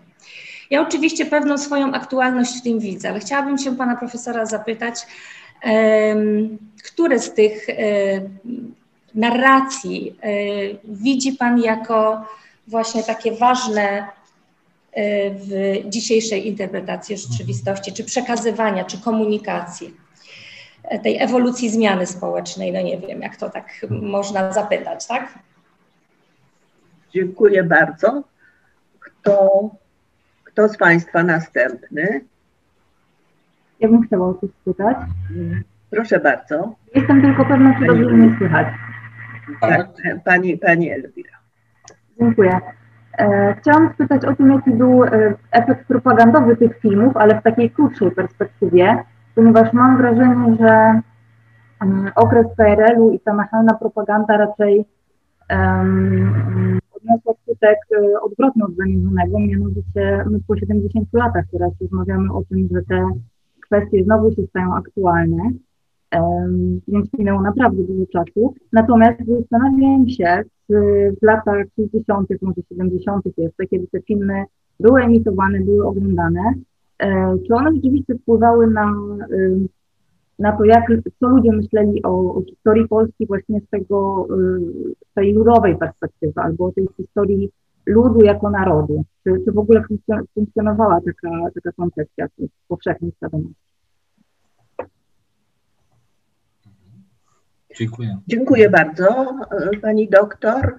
I, a może zrobimy pierwszą rundę odpowiedzi, a państwo, mhm. panie, panie profesorze. Dziękuję bardzo za, za wszystkie pytania. E, to może zacznę od końca, od pani Elwiry. E, znaczy, ja mam wrażenie, że, że to oddziaływanie tych filmów e, należałoby rozpatrywać w, jakby w taki, na takich dwóch poziomach. Znaczy, z jednej strony co zostaje w świadomości, a z drugiej strony, co zostaje pod, jakby w podświadomości społecznej. E, I teraz, żeby zobaczyć, co się, co się dzieje ze, ze świadomością społeczną, no to pewnie byśmy musieli szukać, e, szukać w pamiętnikach. I tam byśmy znaleźli na przykład u Tyrmanda dajmy na to, no, takie, takie teksty, które mówią o tym, że no, te straszne kobiety tam w, w, tych, tych kombinezonach, już nie można na to patrzeć, prawda, tego typu rzeczy. Natomiast jeżeli by, jeżeli by też ze względu na to, że być może jakby te ci, którzy, jakby, którzy mogli zostawić ślad, też no, byli uwarunkowani ze względu na perspektywę, czy jakby miejsce, z którego patrzyli. Inteligenckie zwykle. Drugie, ta, drugie takie miejsce, gdzie moglibyśmy sobie zobaczyć, jak to działało, to były pamiętniki chłopskie, prawda? Czyli pamiętniki te, które zostały, jakby, które były zbierane w, tuż po wojnie, prawda? I w których, w których moglibyśmy pewnie zobaczyć, może mniej w tych wydanych, a, a bardziej w tych, które, które, które są w archiwach cały czas, moglibyśmy przekonać się, jak to, jak to działało. I Ja myślę, że to musiało działać e, ze względu na to, że, e, że cały PRL e, jednak niesłychanie, myślę, w, jakby to dobrze powiedzieć, no, dał poczucie godności dużo szerszym kręgom społecznym niż zarówno druga Rzeczpospolita, jak i trzecia Rzeczpospolita. E, I to można, jakby to można, jak myślę, zobaczyć na przykładzie, na przykładzie strajków robotniczych. E, w którymkolwiek momentu, momencie PRL-u, w momencie, kiedy pojawiał się strajk, to e, była sprawa dla władzy, tak? Znaczy w tym sensie, że, że to była kwestia jej legitymizacji bądź de delegitymizacji. I dosłownie ten dyskurs, który mówił o o tym, że to jest e, ludowa Rzeczpospolita, tak, niezależnie od praktyki władzy miał też ten efekt, że, że dawał e, ewentualnym protestującym pewną moc symboliczną, która, jakby, która, której nie było przed i której, jakby, której wydaje mi się też nie ma, e, nie ma nie ma teraz. Więc myślę, że te, że te, jakby, że te filmy jednakowoż zapadały w pamięć jako, tak jak powiedziała pani profesor, no ja właśnie, jako, no nie wiem, jako te mm, pełne godności i piękne na swój sposób, ale nie na hollywoodzki sposób, tylko na właśnie na własny sposób, twarze bohaterów, tak? Czy jako, jako motywację. A żeby to dokładnie sprawdzić, no to trzeba by było się udać do źródeł i trzeba by było, trzeba by było, mm, trzeba by było yy, zacząć badać. Też wydaje mi się, że E, może być bardzo ważna taka cezura roku 56 ze względu na to, że, e, że mm, lata 50. jakby wygenerowały pewną obietnicę mm, społeczeństwa bez alienacji, społeczeństwa równościowego, która, było nie było, no została zawiedziona, jakoś zdyskwalifikowana E, odwilżą i latami e, jakby epoką gomułkowską. Znaczy, że, to, że, że, że odkrycie e, terroru, który, czy, czy, który, który za tym był, czy fiaska tej, tej, tej próby było rodzajem, rodzajem traumy dla jej uczestników, to nawet w, w inteligenckich opowieściach to się czuje, tak? Jakby ta, ta, ta historia szaleństwa związanego z.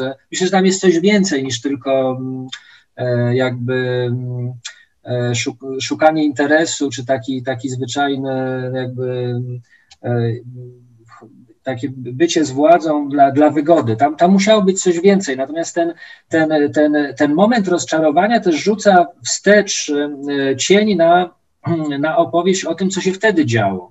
Więc myślę, że też będzie trudno, trudno znaleźć teksty, które by, jakby, które by, które by to da, jakby dawały nam, dawały nam to E, jakby mm, czarno na białym, ze względu na to, że jeżeli będą opisane z perspektywy po, e, no to prawdopodobnie to rozczarowanie roku 56 będzie się jakoś bardzo kładło na, tym, na tym wspomnieniu, e, wspomnieniu wcześniejszym. No więc tutaj jest jakby tutaj jest trudna, trudna, jakby trudna sprawa, żeby, żeby to ocenić. Ale myślę, że tak czy owak warto jest, jakby warto jest pytać o ich zawartość, warto jest pytać o ich treści. I tutaj przechodzę do tego pytania, do tego pytania e, e, pani profesor na temat, co jest, jakby co jest aktualne. Wydaje mi się, że aktualne przede wszystkim dla nas dzisiaj e, byłoby to, że można sobie pomyśleć polską historię na jakby w ramach innych narracji niż tylko, niż tylko narracja narodowo-romantyczna, czy taka konserwatywna narracja narodowa. I już samo to, że mamy do czynienia z kulturą, w której są te różne głosy, to już jest samo bardzo jakby interesujące, tak? Że mamy, że mamy w, w historii kultury mm, okres rewolucyjny, który jest jak, jakąś transgresją, który proponuje inne które proponuje inne ujęcia, który w jakiś bardzo, bardzo interesujący sposób też spotyka się z, nie wiem, czy z Rauscherem, czy z Leszczyńskim, czy z Garapichem, czy, e, czy nie wiem, czy mm, z, z innymi tekstami, które, które pojawiają się, e, które pojawiają się obecnie. Więc jak myślę, najbardziej aktualne jest, jest to, że jest, możliwa, że jest możliwa jakaś inna perspektywa, czyli inne ułożenie narracji, zadanie innych pytań, pokazanie innych bohaterów, pokazanie innych aktorów, pokazanie innych konfliktów i innych motywacji. E, I wydaje mi się, że, że opisanie tego też jest jakąś luką w, w, w, w historii polskiej kultury, prawda? Dlatego, że e, że opowiadamy tę kulturę tak, jakby, jakby lata 50. były, były rodzajem wyrwy takiego, wie, wiecie Państwo, no takiej, takiej czarnej nocy, w której właściwie już nic nie ma i której nic nie zostało. Tymczasem Tymczasem może został jakiś projekt y, alternatywny, który zresztą ma swoje, swoje, swoje, e, swoją też tradycję wcześniejszą, bo, e, bo Polska międzywojenna, no to była też Polska, w której istniał miesięcznik literacki, czy warszawskie koło polonistów, czy, prawda, to też istniały środowiska, które myślały o o kulturze w, powiedzmy sobie w, w, w, sposób alternatywny i że warto by, było, warto by było o nich pamiętać, żeby też ten, ten wachlarz tradycji zobaczyć może bardziej w całości niż, niż widzimy go, widzimy go dzisiaj. I myślę, że wielu, jakby wiele starań z wielu jakby punktów ku temu, ku temu prowadzi. Rzeczywiście pomijałem spo, jakby z, z, stronę wizualną, też nie chciałem za bardzo przy, jakby przy, przedłużać, ale ma Pani, ma pani w stu procentach rację, że, że e, sposób filmowania e, jest tutaj absolutnie nie, nie, jakby też nie, niesłychanie ważny i też być może dobrze to też jakby podejmując Panią, Pani myśl, to e, że jest, jest taki w latach 50. taki ruch e, nobilitacji kultury ludowej. Tak? Mówi się zwykle o tym, że, że, mm, że to jest czas, w którym robi się z kultury ludowej cepelię. No to jest moment powstania Mazowsza, prawda? E, tymczasem wydaje mi się, że to w tamtych czasach ma zupełnie, jakby zupełnie inny, inny wydźwięk. Chodzi o wprowadzenie do centrum tego, co ludowe, jako, jako czegoś równoprawnego. I wydaje mi się, że równoprawnego też na takich zasadach, jakie starałem się pokazać w tych filmach, to znaczy nie jako, e, jako tej kolebki polskości, prawda, ale jako kultury ludu, który żyje swoim życiem, a jednocześnie ma coś do zaoferowania, e, do zaoferowania centrum. E, to, to może bardzo dobrze widać w przygodzie na Mariensztacie, kiedy, przy, kiedy Hanka Ruczajówna przyjeżdża do Warszawy z, z zespołem pieśni i tańca, prawda? I to jest takie przy, jakby przybycie też innego, który, e, który ma zostać przyjęty na równych prawach. E, więc e, hmm, natrętna propaganda. Tutaj z natrętną propagandą też ja, ja, starałem się uciekać od tego, jakby od tego pojęcia, ze względu na to, żeby, jakby, żeby uchwycić treść. No i to jest w jakimś sensie założenie tego, jakby tej pracy, którą starałem się wykonać. Oczywiście cały czas miałem z tyłu głowy to pytanie o natrętną propagandę. Kiedy o tym sobie myślałem, to, mm, to myślałem sobie tak, e, że e, mówienie o, e, o, o propagandzie, natrętnej propagandzie, o tym, że propaganda przeszkadza, zależy od tła, znaczy zależy od odbiorcy, prawda? I starałem sobie, jakby starałem sobie wyobrazić tego odbiorcę e, tych filmów tak bardzo rodzinnie, no to czy ja jestem drugim pokoleniem inteligenckim.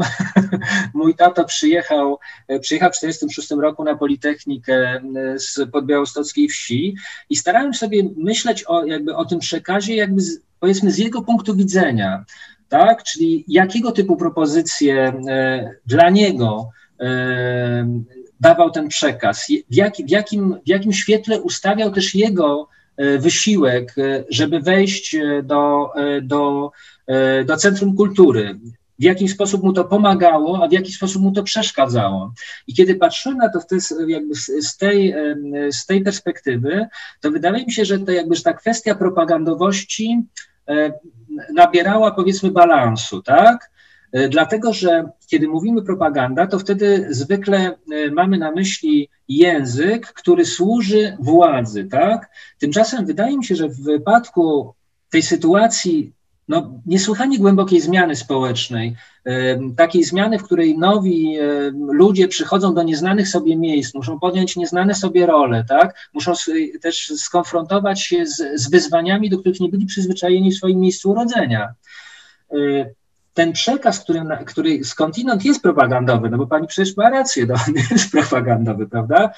Jednocześnie nabiera takiego, takiego sensu, że jest rodzajem E, protezy, jest rodzajem wsparcia, rodzajem modelu doświadczenia, w którym może się odnaleźć ten, który wchodzi, e, który wchodzi w w tę nową sytuację. Dlatego wydaje mi się, że należałoby mm, wypośrodkować między, e, między dostrzeżeniem niewątp jakby niewątpliwej propagandowości te, jakby te, te, tej produkcji, a tej właśnie tą, tą, tym, tym jej sensem, który, który jest właśnie taki, że e, jakby, że ma dać zaplecze, kulturowe zaplecze, wsparcie, legitymizację tym, którzy wchodzą, e, wchodzą na nowe miejsca. Na razie tyle, to jeszcze pewnie będziemy wracać do tych wątków. Przepraszam, że tak długo. Dziękuję bardzo i teraz udzielam głosu panu Pawłowi Chmielińskiemu, bo się tu upomniał o to drogą czatową. Dziękuję bardzo. E, też bardzo proszę o potwierdzenie, że mnie słychać. Słychać, słychać, tak. Dziękuję bardzo. E, chciałbym e, podziękować bardzo za bardzo interesujący referat, który jest wstępem do jeszcze bardziej interesującej dyskusji. Może chciałbym się odnieść do samego tytułu wystąpienia, czyli historia ludowa i historia narodowa. I tutaj chciałbym, warto podkreślić, że, że dla współczesnych e, twórcom tych filmów e, historia ludowa i historia narodowa to są pojęcia, które może nie są e, bardzo świeże, ale dość świeże.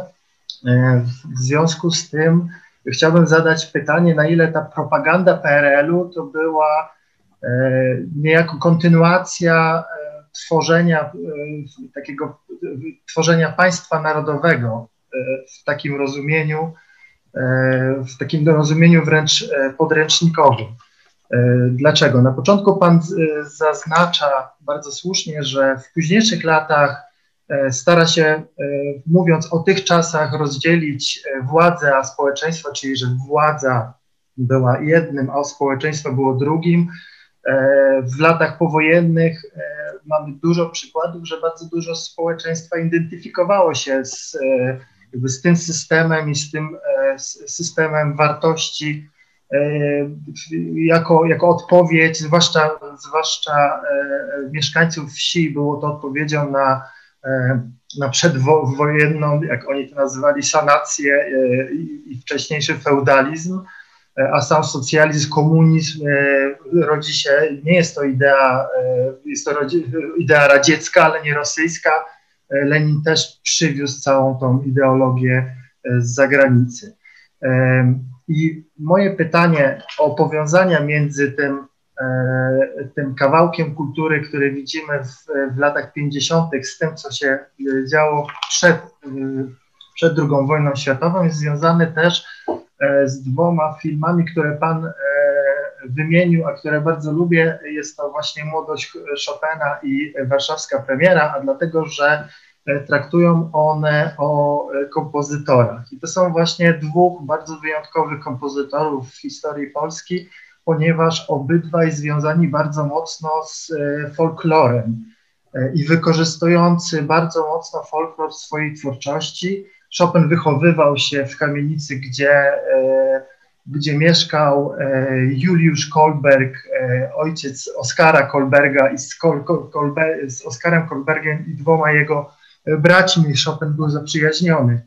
Możliwe, że wtedy zrodziła się właśnie jego, jego fascynacja ludowością, czego przykładem są chociażby kurier szafarski, 14-letni Chopin, e, będąc na wakacjach u, u e, znajomych e, rodziców, bardzo pieczołowicie odnotowuje folklor, który zaobserwował. Później mówi się, że jest to podwalina, jest to, tworzy podwaliny pod jego twórczość, mazurki i, i całe odniesienia do, do folkloru. Z kolei warszawska premiera mówi o, o Moniuszko.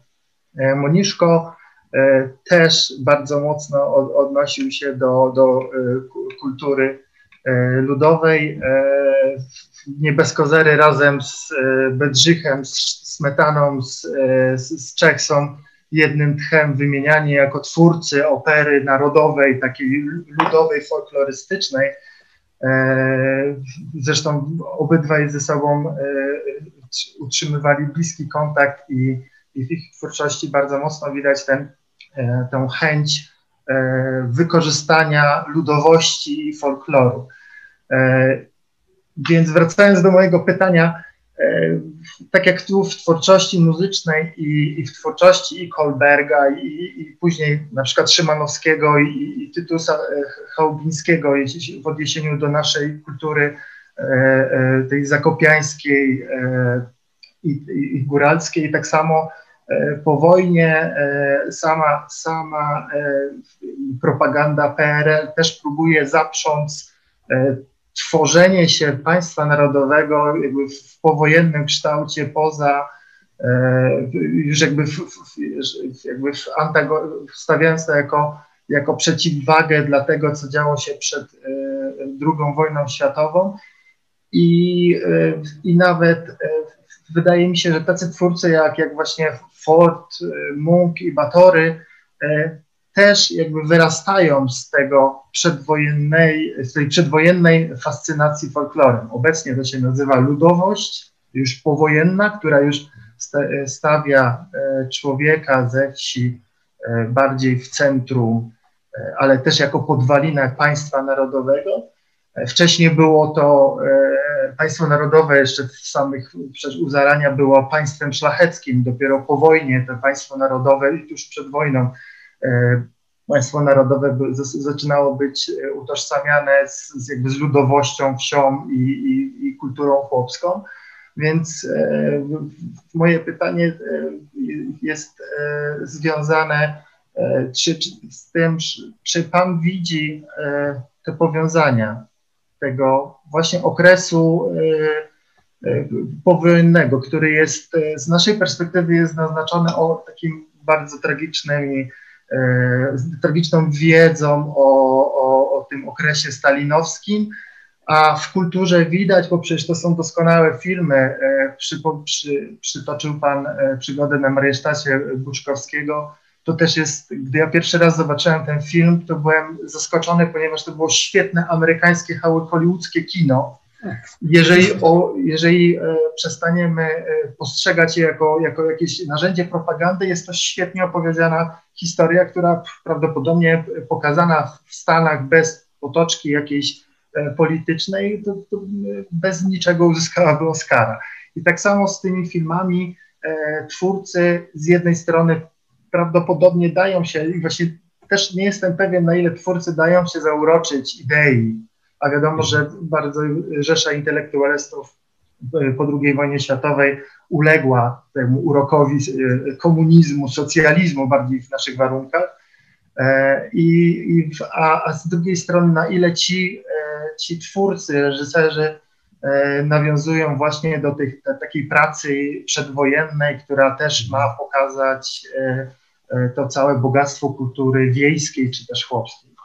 Więc chciałbym. Dziękuję, prosić. dziękuję bardzo, panie, panie Pawle. I proszę, kto następny? Bardzo proszę, proszę pani, pani Karolina Dziękuję bardzo. Karolina Ciekrogorska, Instytut Slawistyki PAN. Ja miałabym pytanie związane z takim wątkiem, który się pojawił u pana profesora w wystąpieniu przy omawianiu tego cytatu z Wiki.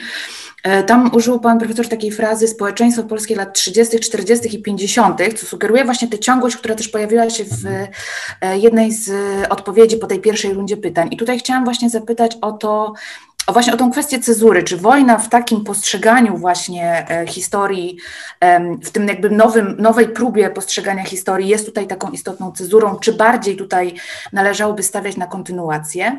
E, byłabym też wdzięczna, gdyby mógł Pan Profesor doprecyzować w tym wstępie poświęconym też książce Marcina Zaręby się pojawiło takie sformułowanie właśnie, że jednym z tych faktorów, y, przez które polska historiografia współczesna postrzega właśnie PRL jest y, to, że nie ma różnic wewnątrz obozu władzy, zwłaszcza jeżeli chodzi o politykę.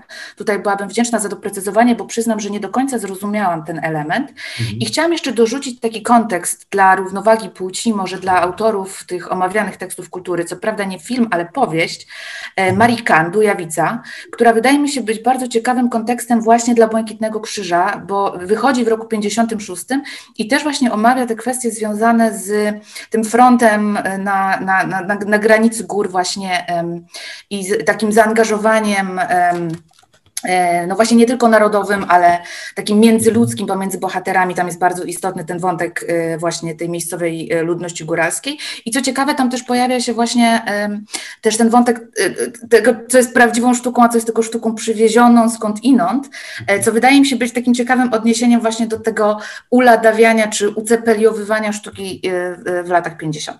I bardzo dziękuję też za, za możliwość uczestniczenia w tym bardzo ciekawym wykładzie. Dziękuję bardzo i jeszcze pani Ola Bilewicz, proszę o, oddaję głos. Ja chciałabym, no to powtórzę, krótkie pytanie, uwagę. Mi się wydaje, że jednak trochę za mało nacisku kładziemy na propagandowy charakter tych filmów i, i na to, że musiały być tworzone na pewną modłę, co, co też determinowało ich odbiór. Chciałabym tylko nadmienić historię dotyczącą Błękitnego Krzyża. Otóż tam jest pokazana heroiczna wyprawa no, grupy, grupy taterników, toprowców, którzy muszą ewakuować rannych. I gdy się poczyta trochę o tej historii, to okazało się, że, że ta heroiczna wyprawa była doszła do skutku pod groźbą śmierci, to znaczy grożono tym toprowcom Y, że y, no po prostu karą śmierci, jeśli nie podejmą tej wyprawy. Więc to pokazuje, że, że ten film jednak y, no, pokazujący no, no właśnie taki heroizm i, i, i radość ponad granicami, no jednak, no gdyby uwzględnił tę prawdę, musiałby mieć zupełnie inny wydźwięk, prawda? Więc, więc to tylko taka krótka uwaga pokazująca jednak tło, tło powstania filmu, które, które jest zupełnie no, w, w innym świetle jakby go stawia. Dziękuję bardzo.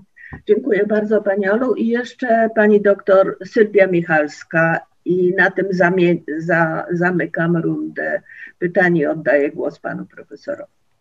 Dziękuję. Ja chciałam się odnieść do tego wątku, który się w pierwszej rundzie odpowiedzi pokazał, o tym, jak zaczęliśmy mówić o propagandzie i o tym, jak um, odbiorca wpływa na to, co odbiera i jak to się, um, jak to się pewne wątki ujawniają, a pewne znikają. Ale przyszło mi do głowy w czasie tej wypowiedzi pana profesora taka, e, takie pytanie, jakby nie o propagandę polityczną, bo chyba głównie ją mamy na myśli, mówiąc o mhm. propagandzie, tylko o taki rodzaj propagandy społecznej. Kiedy mówiliśmy o tym, że ci robotnicy są tacy ładni i że jakby to, to, to nie do końca tak wygląda, ja się zastanawiam, jak te filmy i na ile świadomie miały wyznaczać nowy sposób wypełniania ról społecznych. I tutaj jakby i na ile jest tak, że one oddawały rzeczywistość, to na ile ją dosyć mocno właśnie propagandowy sposób konstruowały. I przyszło mi to do głowy, analizując to, co mnie interesuje, czyli relacje płci. E, I tutaj mam na myśli głównie kwestie e, pokazane w celulozie, gdzie tutaj e, no, kobieta zajmuje wyższe miejsce w strukturze partyjnej i mhm. jakby nikt nie ma z tym absolutnie żadnego problemu i wszyscy jakby, ja rozumiem, że to jest partia komunistyczna i że tam jakby też to miało odpowiednio oddawać postulowaną rzeczywistość. Natomiast e, jest też taka scena, gdzie mm, jest bójka w trakcie zabawy, która zbiera pieniądze na ten czerwony fundusz i ta bójka bierze się stąd, że ktoś uderzył kobietę. No, czytając pamiętniki kobiet wiejskich i mając świadomość tego, jak powszechna była przemoc e, fizyczna e, i różna inna w tamtym okresie, no to na ile tego typu oburzenie i tego typu reakcja była właśnie czymś, co miało pokazać i postulować pewien sposób reagowania, na ile to było oddające oddające rzeczywistość. I e, jakby ta, ta równość płci też wydaje mi się o tyle pozorna, że no, głównymi bohaterami we wszystkich filmach są mężczyźni, kobiety są zdecydowanie drugoplanowe i jakby tutaj mam pewne jakby wątpliwości, na ile to, na ile to jakby wchodzi rzeczywiście w, na ile jest konstruowana rzeczywistość, a na ile jest, jest um, odtwarzana. I zastanawiam się też, na ile przy, właśnie to, to, co Ola teraz powiedziała, na ile e, jakby dekonstruując i próbując odkryć mechanizmy propagandowe, powinniśmy zagłębiać się w takie rzeczy jak, nie wiem, poglądy autorów, scenariusza, reżysera, to jak one ewoluowały, jakie były dodatkowe informacje.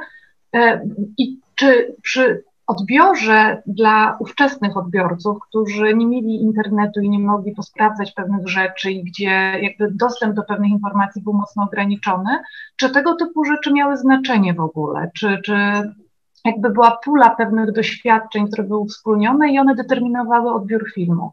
Ale to są takie jakby pytania laika kompletnego, który nie, jakby nie umiem pracować na tym narzędziu i y, też dziękuję za to, że, że odkrył nam Pan coś bardzo ciekawego, co, co, co możemy teraz przetworzyć, ale rzeczywiście jest to nowy rodzaj pracy, bardzo ciekawy, ale też trudny, trudny w, w odbiorze dla mnie gdzieś tam. Mam mhm. bardzo dużo pytań takich bardzo podstawowych. Dziękuję.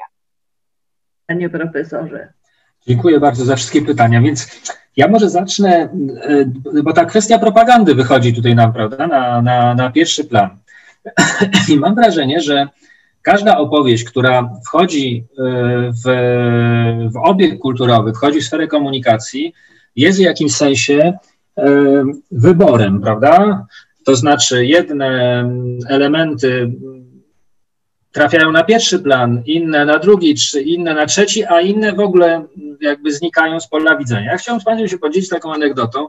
Moja, moja babcia, ona była e, też, ona przyszła ze wsi spod e, Mińska Mazowieckiego do Warszawy i tutaj ją zastała, nastał wybuch wojny z moją mamą, która miała wtedy 6 miesięcy. I babcia mi opowiadała tak, mówi, ja latam po mieście, babcia straciła mleko, mówi, ja latam po mieście z twoją mamą, mówi, a tu bomby lecą i Starzyński mówi, kobiety, kobiety, tutaj babcia się tak zabrała, kobiety, kobiety, bierzcie butelki z benzyną, idźcie na czołgi. To jest rzeczywiście było takie, takie, takie wystąpienie Starzyńskiego. Ja nawet je odnalazłem w internecie, ale babcia opowiadała o Starzyńskim jako, jako o rodzaju wariata, który kompletnie stracił z kontakt z rzeczywistością. Teraz, jak ja poszedłem do szkoły i dowiedziałem się, kim był Starzyński, to jak Państwo sobie wyobrażacie, powstał między szkołą a mną ogromny dysonans poznawczy. Tutaj właściwie opowiada historię, czy moja szkoła, czy moja babcia, tak? E, no więc e, trzeba powiedzieć tak, że ta historia, którą mamy w obiegu kulturowym, usuwa moją babcię oraz jej e, odczucie tego, co działo się w 1939 roku we wrześniu w Warszawie, no, na głęboki margines albo w ogóle każe jej zniknąć. I rzeczywistość, w której żyjemy, to jest rzeczywistość właśnie tych historii, które usunęły te babcie z pola widzenia, prawda? E, więc w związku z tym ja bym proponował taki jakby taki podział, żebyśmy sobie to uporządkowali, że mamy właśnie te historie w obiegu kulturowym i mamy też e, różne inne historie z marginesu, które próbują się do tego centrum dostać, próbują być usłyszane, próbują e, przykuć naszą uwagę i próbują nam powiedzieć o czymś, co było wykluczone. I teraz wydaje mi się, że z propagandą w latach 50. mamy ten problem, że ona odwołuje się, czy jakby szuka odbiorców wśród wielu ludzi, którzy są bardzo podobni do tej mojej babci. Tak? To znaczy, którzy, e, którzy, e, którzy nie odnajdują, jakby nie mogli się odnaleźć, nie odnajdywali się w tej opowieści mm, mainstreamowej, zastanej, a jednocześnie nie mieli żadnego języka, żeby opowiedzieć swoje doświadczenie. Żadnego języka. Kultura im w tym nie powie, jakby zupełnie nie, jakby nie pomagała. Tak? Właśnie to była taka historia opowiadana w kuchni albo przy prasowaniu wnuczkowi, który miał 6 lat, prawda? A poza tym ona w ogóle nie istniała. Jak potem e, czytałem wspomnienia e, marszałka Sejmu profesora Chrzanowskiego, to on opowiadał, że jak wszedł do powstania i schodzili tamką w dół na Powiśle, to z okien kamienic, ale tych na dole, jakby wychylały się kobiety i mówiły co wy robicie? Wariaci, co wy robicie? I oczywiście on to opowiadał jako rodzaj takiego właśnie, no właśnie trochę jak, jak ten niesłuch, jakiś taki inny spotkany tuż obok, prawda? O, o co im chodziło? O co im chodziło tym kobietom, tak? Bo w jego opowieści nie było na to miejsca. I teraz może by należało popatrzeć na tę propagandę, PRL-owską, czy do propagandy rewolucji lat 50., pierwszej połowy lat 50., jako na próbę właśnie to, co mówiła, wydaje mi się, pani Sylwia, to znaczy na próbę podsunięcia języka tym, którzy tego języka nie mają, powiedzą, nie mają kapitałów społecznych, tak? Nie, tak? Nie ma, ich historia nie ma żadnego kapitału społecznego i w związku z tym próbuje im się podać jakąś protezę, jakąś, jakieś, jakiś sposób jakby wypowiedzenia własnego doświadczenia. I to jest właśnie to, o czym mówiła pani Sylwia, że to, jest, to są te nowe, no, nowe role społeczne i, i, i, i też one są konstruowane, a jednocześnie, a, a jednocześnie ta produkcja kulturowa, która być może z punktu widzenia naszych, nie wiem, oczekiwań jako już ludzi no, z pewnym e, wykształceniem, przyzwyczajeniami do sztuki wysokiej i tak dalej, że ma być zniuansowane, to to jest niewystarczające, ale, ale to ma swoją funkcję społeczną. To jest raczej taka sztuka, która wchodzi w, w, w obszar komunikacji społecznej jako, e, jako propozycja doświadczania świata. E, I wydaje mi się, że te role chyba jakby musiała spełniać. E, znaczy, że, że wyobrażam sobie, że, że wielu ludzi mogło się odnaleźć w postaci Szczęsnego, czy jakby mogło o, obejrzeć własną historię w, w postaci Szczęsnego, albo też mogło, e, mogło obejrzeć własną historię w postaciach z, z Podhala w ogniu. I teraz jest taka sprawa, czy w związku z tym fakt, że, że e, ta, ta wyprawa, ta wyprawa ta wyprawa e, toprowców była, e, była pod karą śmierci, czy to jakby, czy to zmienia propozycję, tak? Dlatego, że jakby jedna sprawa to jest, to jest to, jak to, się, jakby jak to się dokonało, a druga sprawa to jest pewien projekt wspólnoty, który wchodzi w, jakby w obieg społeczny, prawda? I oczywiście moglibyśmy na, jakby nakręcić film o, o, o głęboko skrzywdzonych toprowcach, którzy w ogóle nie chcieli tam nigdzie iść za żadnego ruskiego ani Słowaka, prawda? Tylko, że wtedy jakby też nie zaproponowalibyśmy nic innego, tak? E, No właśnie, więc, więc, więc myślę, że, że z jednej strony oczywiście bardzo ważne jest, żeby to wiedzieć, natomiast z drugiej strony dla, dla pewnego projektu kulturowego, czy dla, dla, dla propozycji nowego rozumienia siebie, wspólnoty i społeczeństwa, no to to ma, to, to ma, bym powiedział, mniejsze znaczenie. Dobrze, teraz tak. Jak, jak jest z. Mm, dziękuję pani, pani Karolinie za, za zapytanie. Ja nie znam tej, tej, tej dojawicy Marii Kant, znam tylko Marię Kant z takich rzeczy, które dotyczą Żydów, ale, ale doczytam. Nie jest to moja ulubiona autorka, mówiąc zęby mi cierpią, ale jestem gotów na wiedzę, na wszelkie poświęcenia. Także może Dujawica będzie, e, będzie, na pewno będzie dla mnie bardzo interesująca i, i zaraz się wezmę za, za, za internet, żeby ją sobie sprowadzić. Teraz tak, e, co, co, jakby co, jest, co jest cenzurą? Ja mam wrażenie, że należałoby widzieć widzieć wojnę, przedwojnie, wojnę i lata tuż powojenne jako, jako pewną ciągłość. I tutaj idę za propozycją mm, z mm, prześnionej rewolucji. E, ja myślę, że ta rewolucja nie była prześniona, to znaczy, że jakby, że, że e, uczestniczono w niej, chociaż uczestniczono w niej w ten sposób, że korzystano z dróg, z dróg otwierających się przed ludźmi, które, jakby, dla których te drogi były dotąd zamknięte, albo że E, że też przejmowano pewne wyobrażenia bardziej niż działano na sposób rewolucyjny spontanicznie, tak? W tym sensie, że nie wiem, że e, tak jakby chciał, e, chciał tego Andrzej Leder, że nie, wiem, że, żeby palono dwory, czy, czy, czy, czy, czy, czy robiono rewolucję taką, jak, jak, jak ją sobie wyobrażamy z, z, z przemocą rewolucyjną w tle. Natomiast wydaje mi się, że ona nie jest prześmiona, natomiast że to jest pewna, pewna ciągłość że wojna, e, wojna i to, co się tam stało, to, to, to że, że, że zniknęły pewne, pewne bardzo liczne grupy społeczne, e, że to wszystko, jakby, że to wszystko należy, należy łącznie, e, łącznie traktować.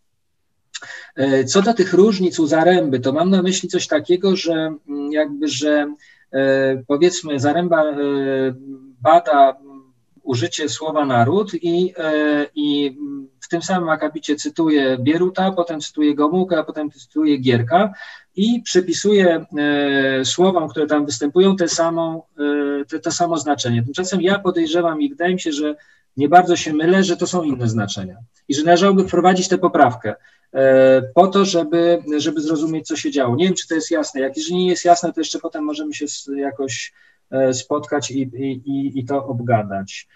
Moment, czy jeszcze, jeszcze była, czy, a tak, mm, jeszcze była ta, ta kwestia ludowa i, i narodowa historia, e, historia Polski. Więc też chciałbym tutaj e, się też podzielić takim, takim czymś, co, co być może nie wchodzi do, e, do głównego nurtu opowieści o Polsce, ale właśnie mój tata opowiadał mi z Kuźnicy spod Białymstokiem taką historię, że jak on był, on jest z 26 roku, czyli to musiały być lata 30. I wtedy na Ambonie ksiądz w kościele w Kuźnicy nawoływał tamtejszych chłopów, żeby pozdejmowali ze ścian dyplomy carskie za tłumienie powstania styczniowego. Tak? To musiał być 30, który, początek lat 30., żeby mój ojciec to mógł zapamiętać. Więc te dyplomy tam wisiały. Więc jaka musiała być, że tak powiem, e, świadomość e, okolicznej ludności chodzącej do kościoła katolickiego, że to nie byli prawosławni, tylko to byli nasi katolicy polscy mieszkańcy tamtych okolic, żeby ten ksiądz w lat, jakby w 32 albo 33 roku musiał taką petycję do nich skierować, tak? Więc myślę, że lata lata wojny i lata tuż powojenne i lata 60. to jest moment, w którym w ogóle się kształtuje e, e, w wielu regionach naszego kraju, szczególnie na prowincji, świadomość, która by była jakoś powiązana ze, ze, świadomością, ze świadomością narodową. I teraz ma Pan z, pewnością rację, że Pan Paweł ma z pewnością rację, że E, że e, te wszystkie teksty nie były możliwe bez zaplecza, które było wypracowane w latach, e, w latach 30., jeszcze w międzywojniu. I to jest jakby to jest bezsprzecznie, bezsprzecznie, bezsprzecznie racja. Natomiast wydaje mi się też, że cezurę, którą jest 56 rok. Mianowicie w latach 60. następuje wprowadzenie warstw ludowych do, e, do kultury jako tych, którzy są faktycznym spadkobiercą tradycji patriotycznej. Tutaj chciałbym przypomnieć Państwu taki, e, taki film Świadectwo Urodzenia. To był, e, reżyserem był Stanisław Różewicz i tam są trzy nowele filmowe. Pierwsza jest dla mnie najważniejsza tutaj, to między Na drodze. Wojciech Siemion gra tam takiego chłopa, żołnierza, który z jakimiś papierami pułkowymi po prostu gubi się w, jakby w chaosie. I teraz on jest jedynym tam bohaterem, który poważnie traktuje to swoje bojowe zadanie. Tak? I na końcu filmu on ginie, pokazując młodemu chłopcu, którego spotyka, że ten chłopiec może mieć szacunek do swoich ojców. I to jest, wydaje mi się, taka ikona zmiany, która dokonuje się po 56 roku. Mianowicie, że że wprowadza się ludowego bohatera, ale już nie tak jak w celulozie, nie tak jak w, w, w, w godzinach nadziei, czy nie tak jak w Podhalu w ogniu, ale jako prawowitego spadkobiercy tradycji patriotycznej. Tak? I potem zaraz to, co się dzieje, to jest e, to, że ten ktoś, kto przejmuje tą, tą tradycję, jakoś na, nabiera takiego habitusu inteligenckiego.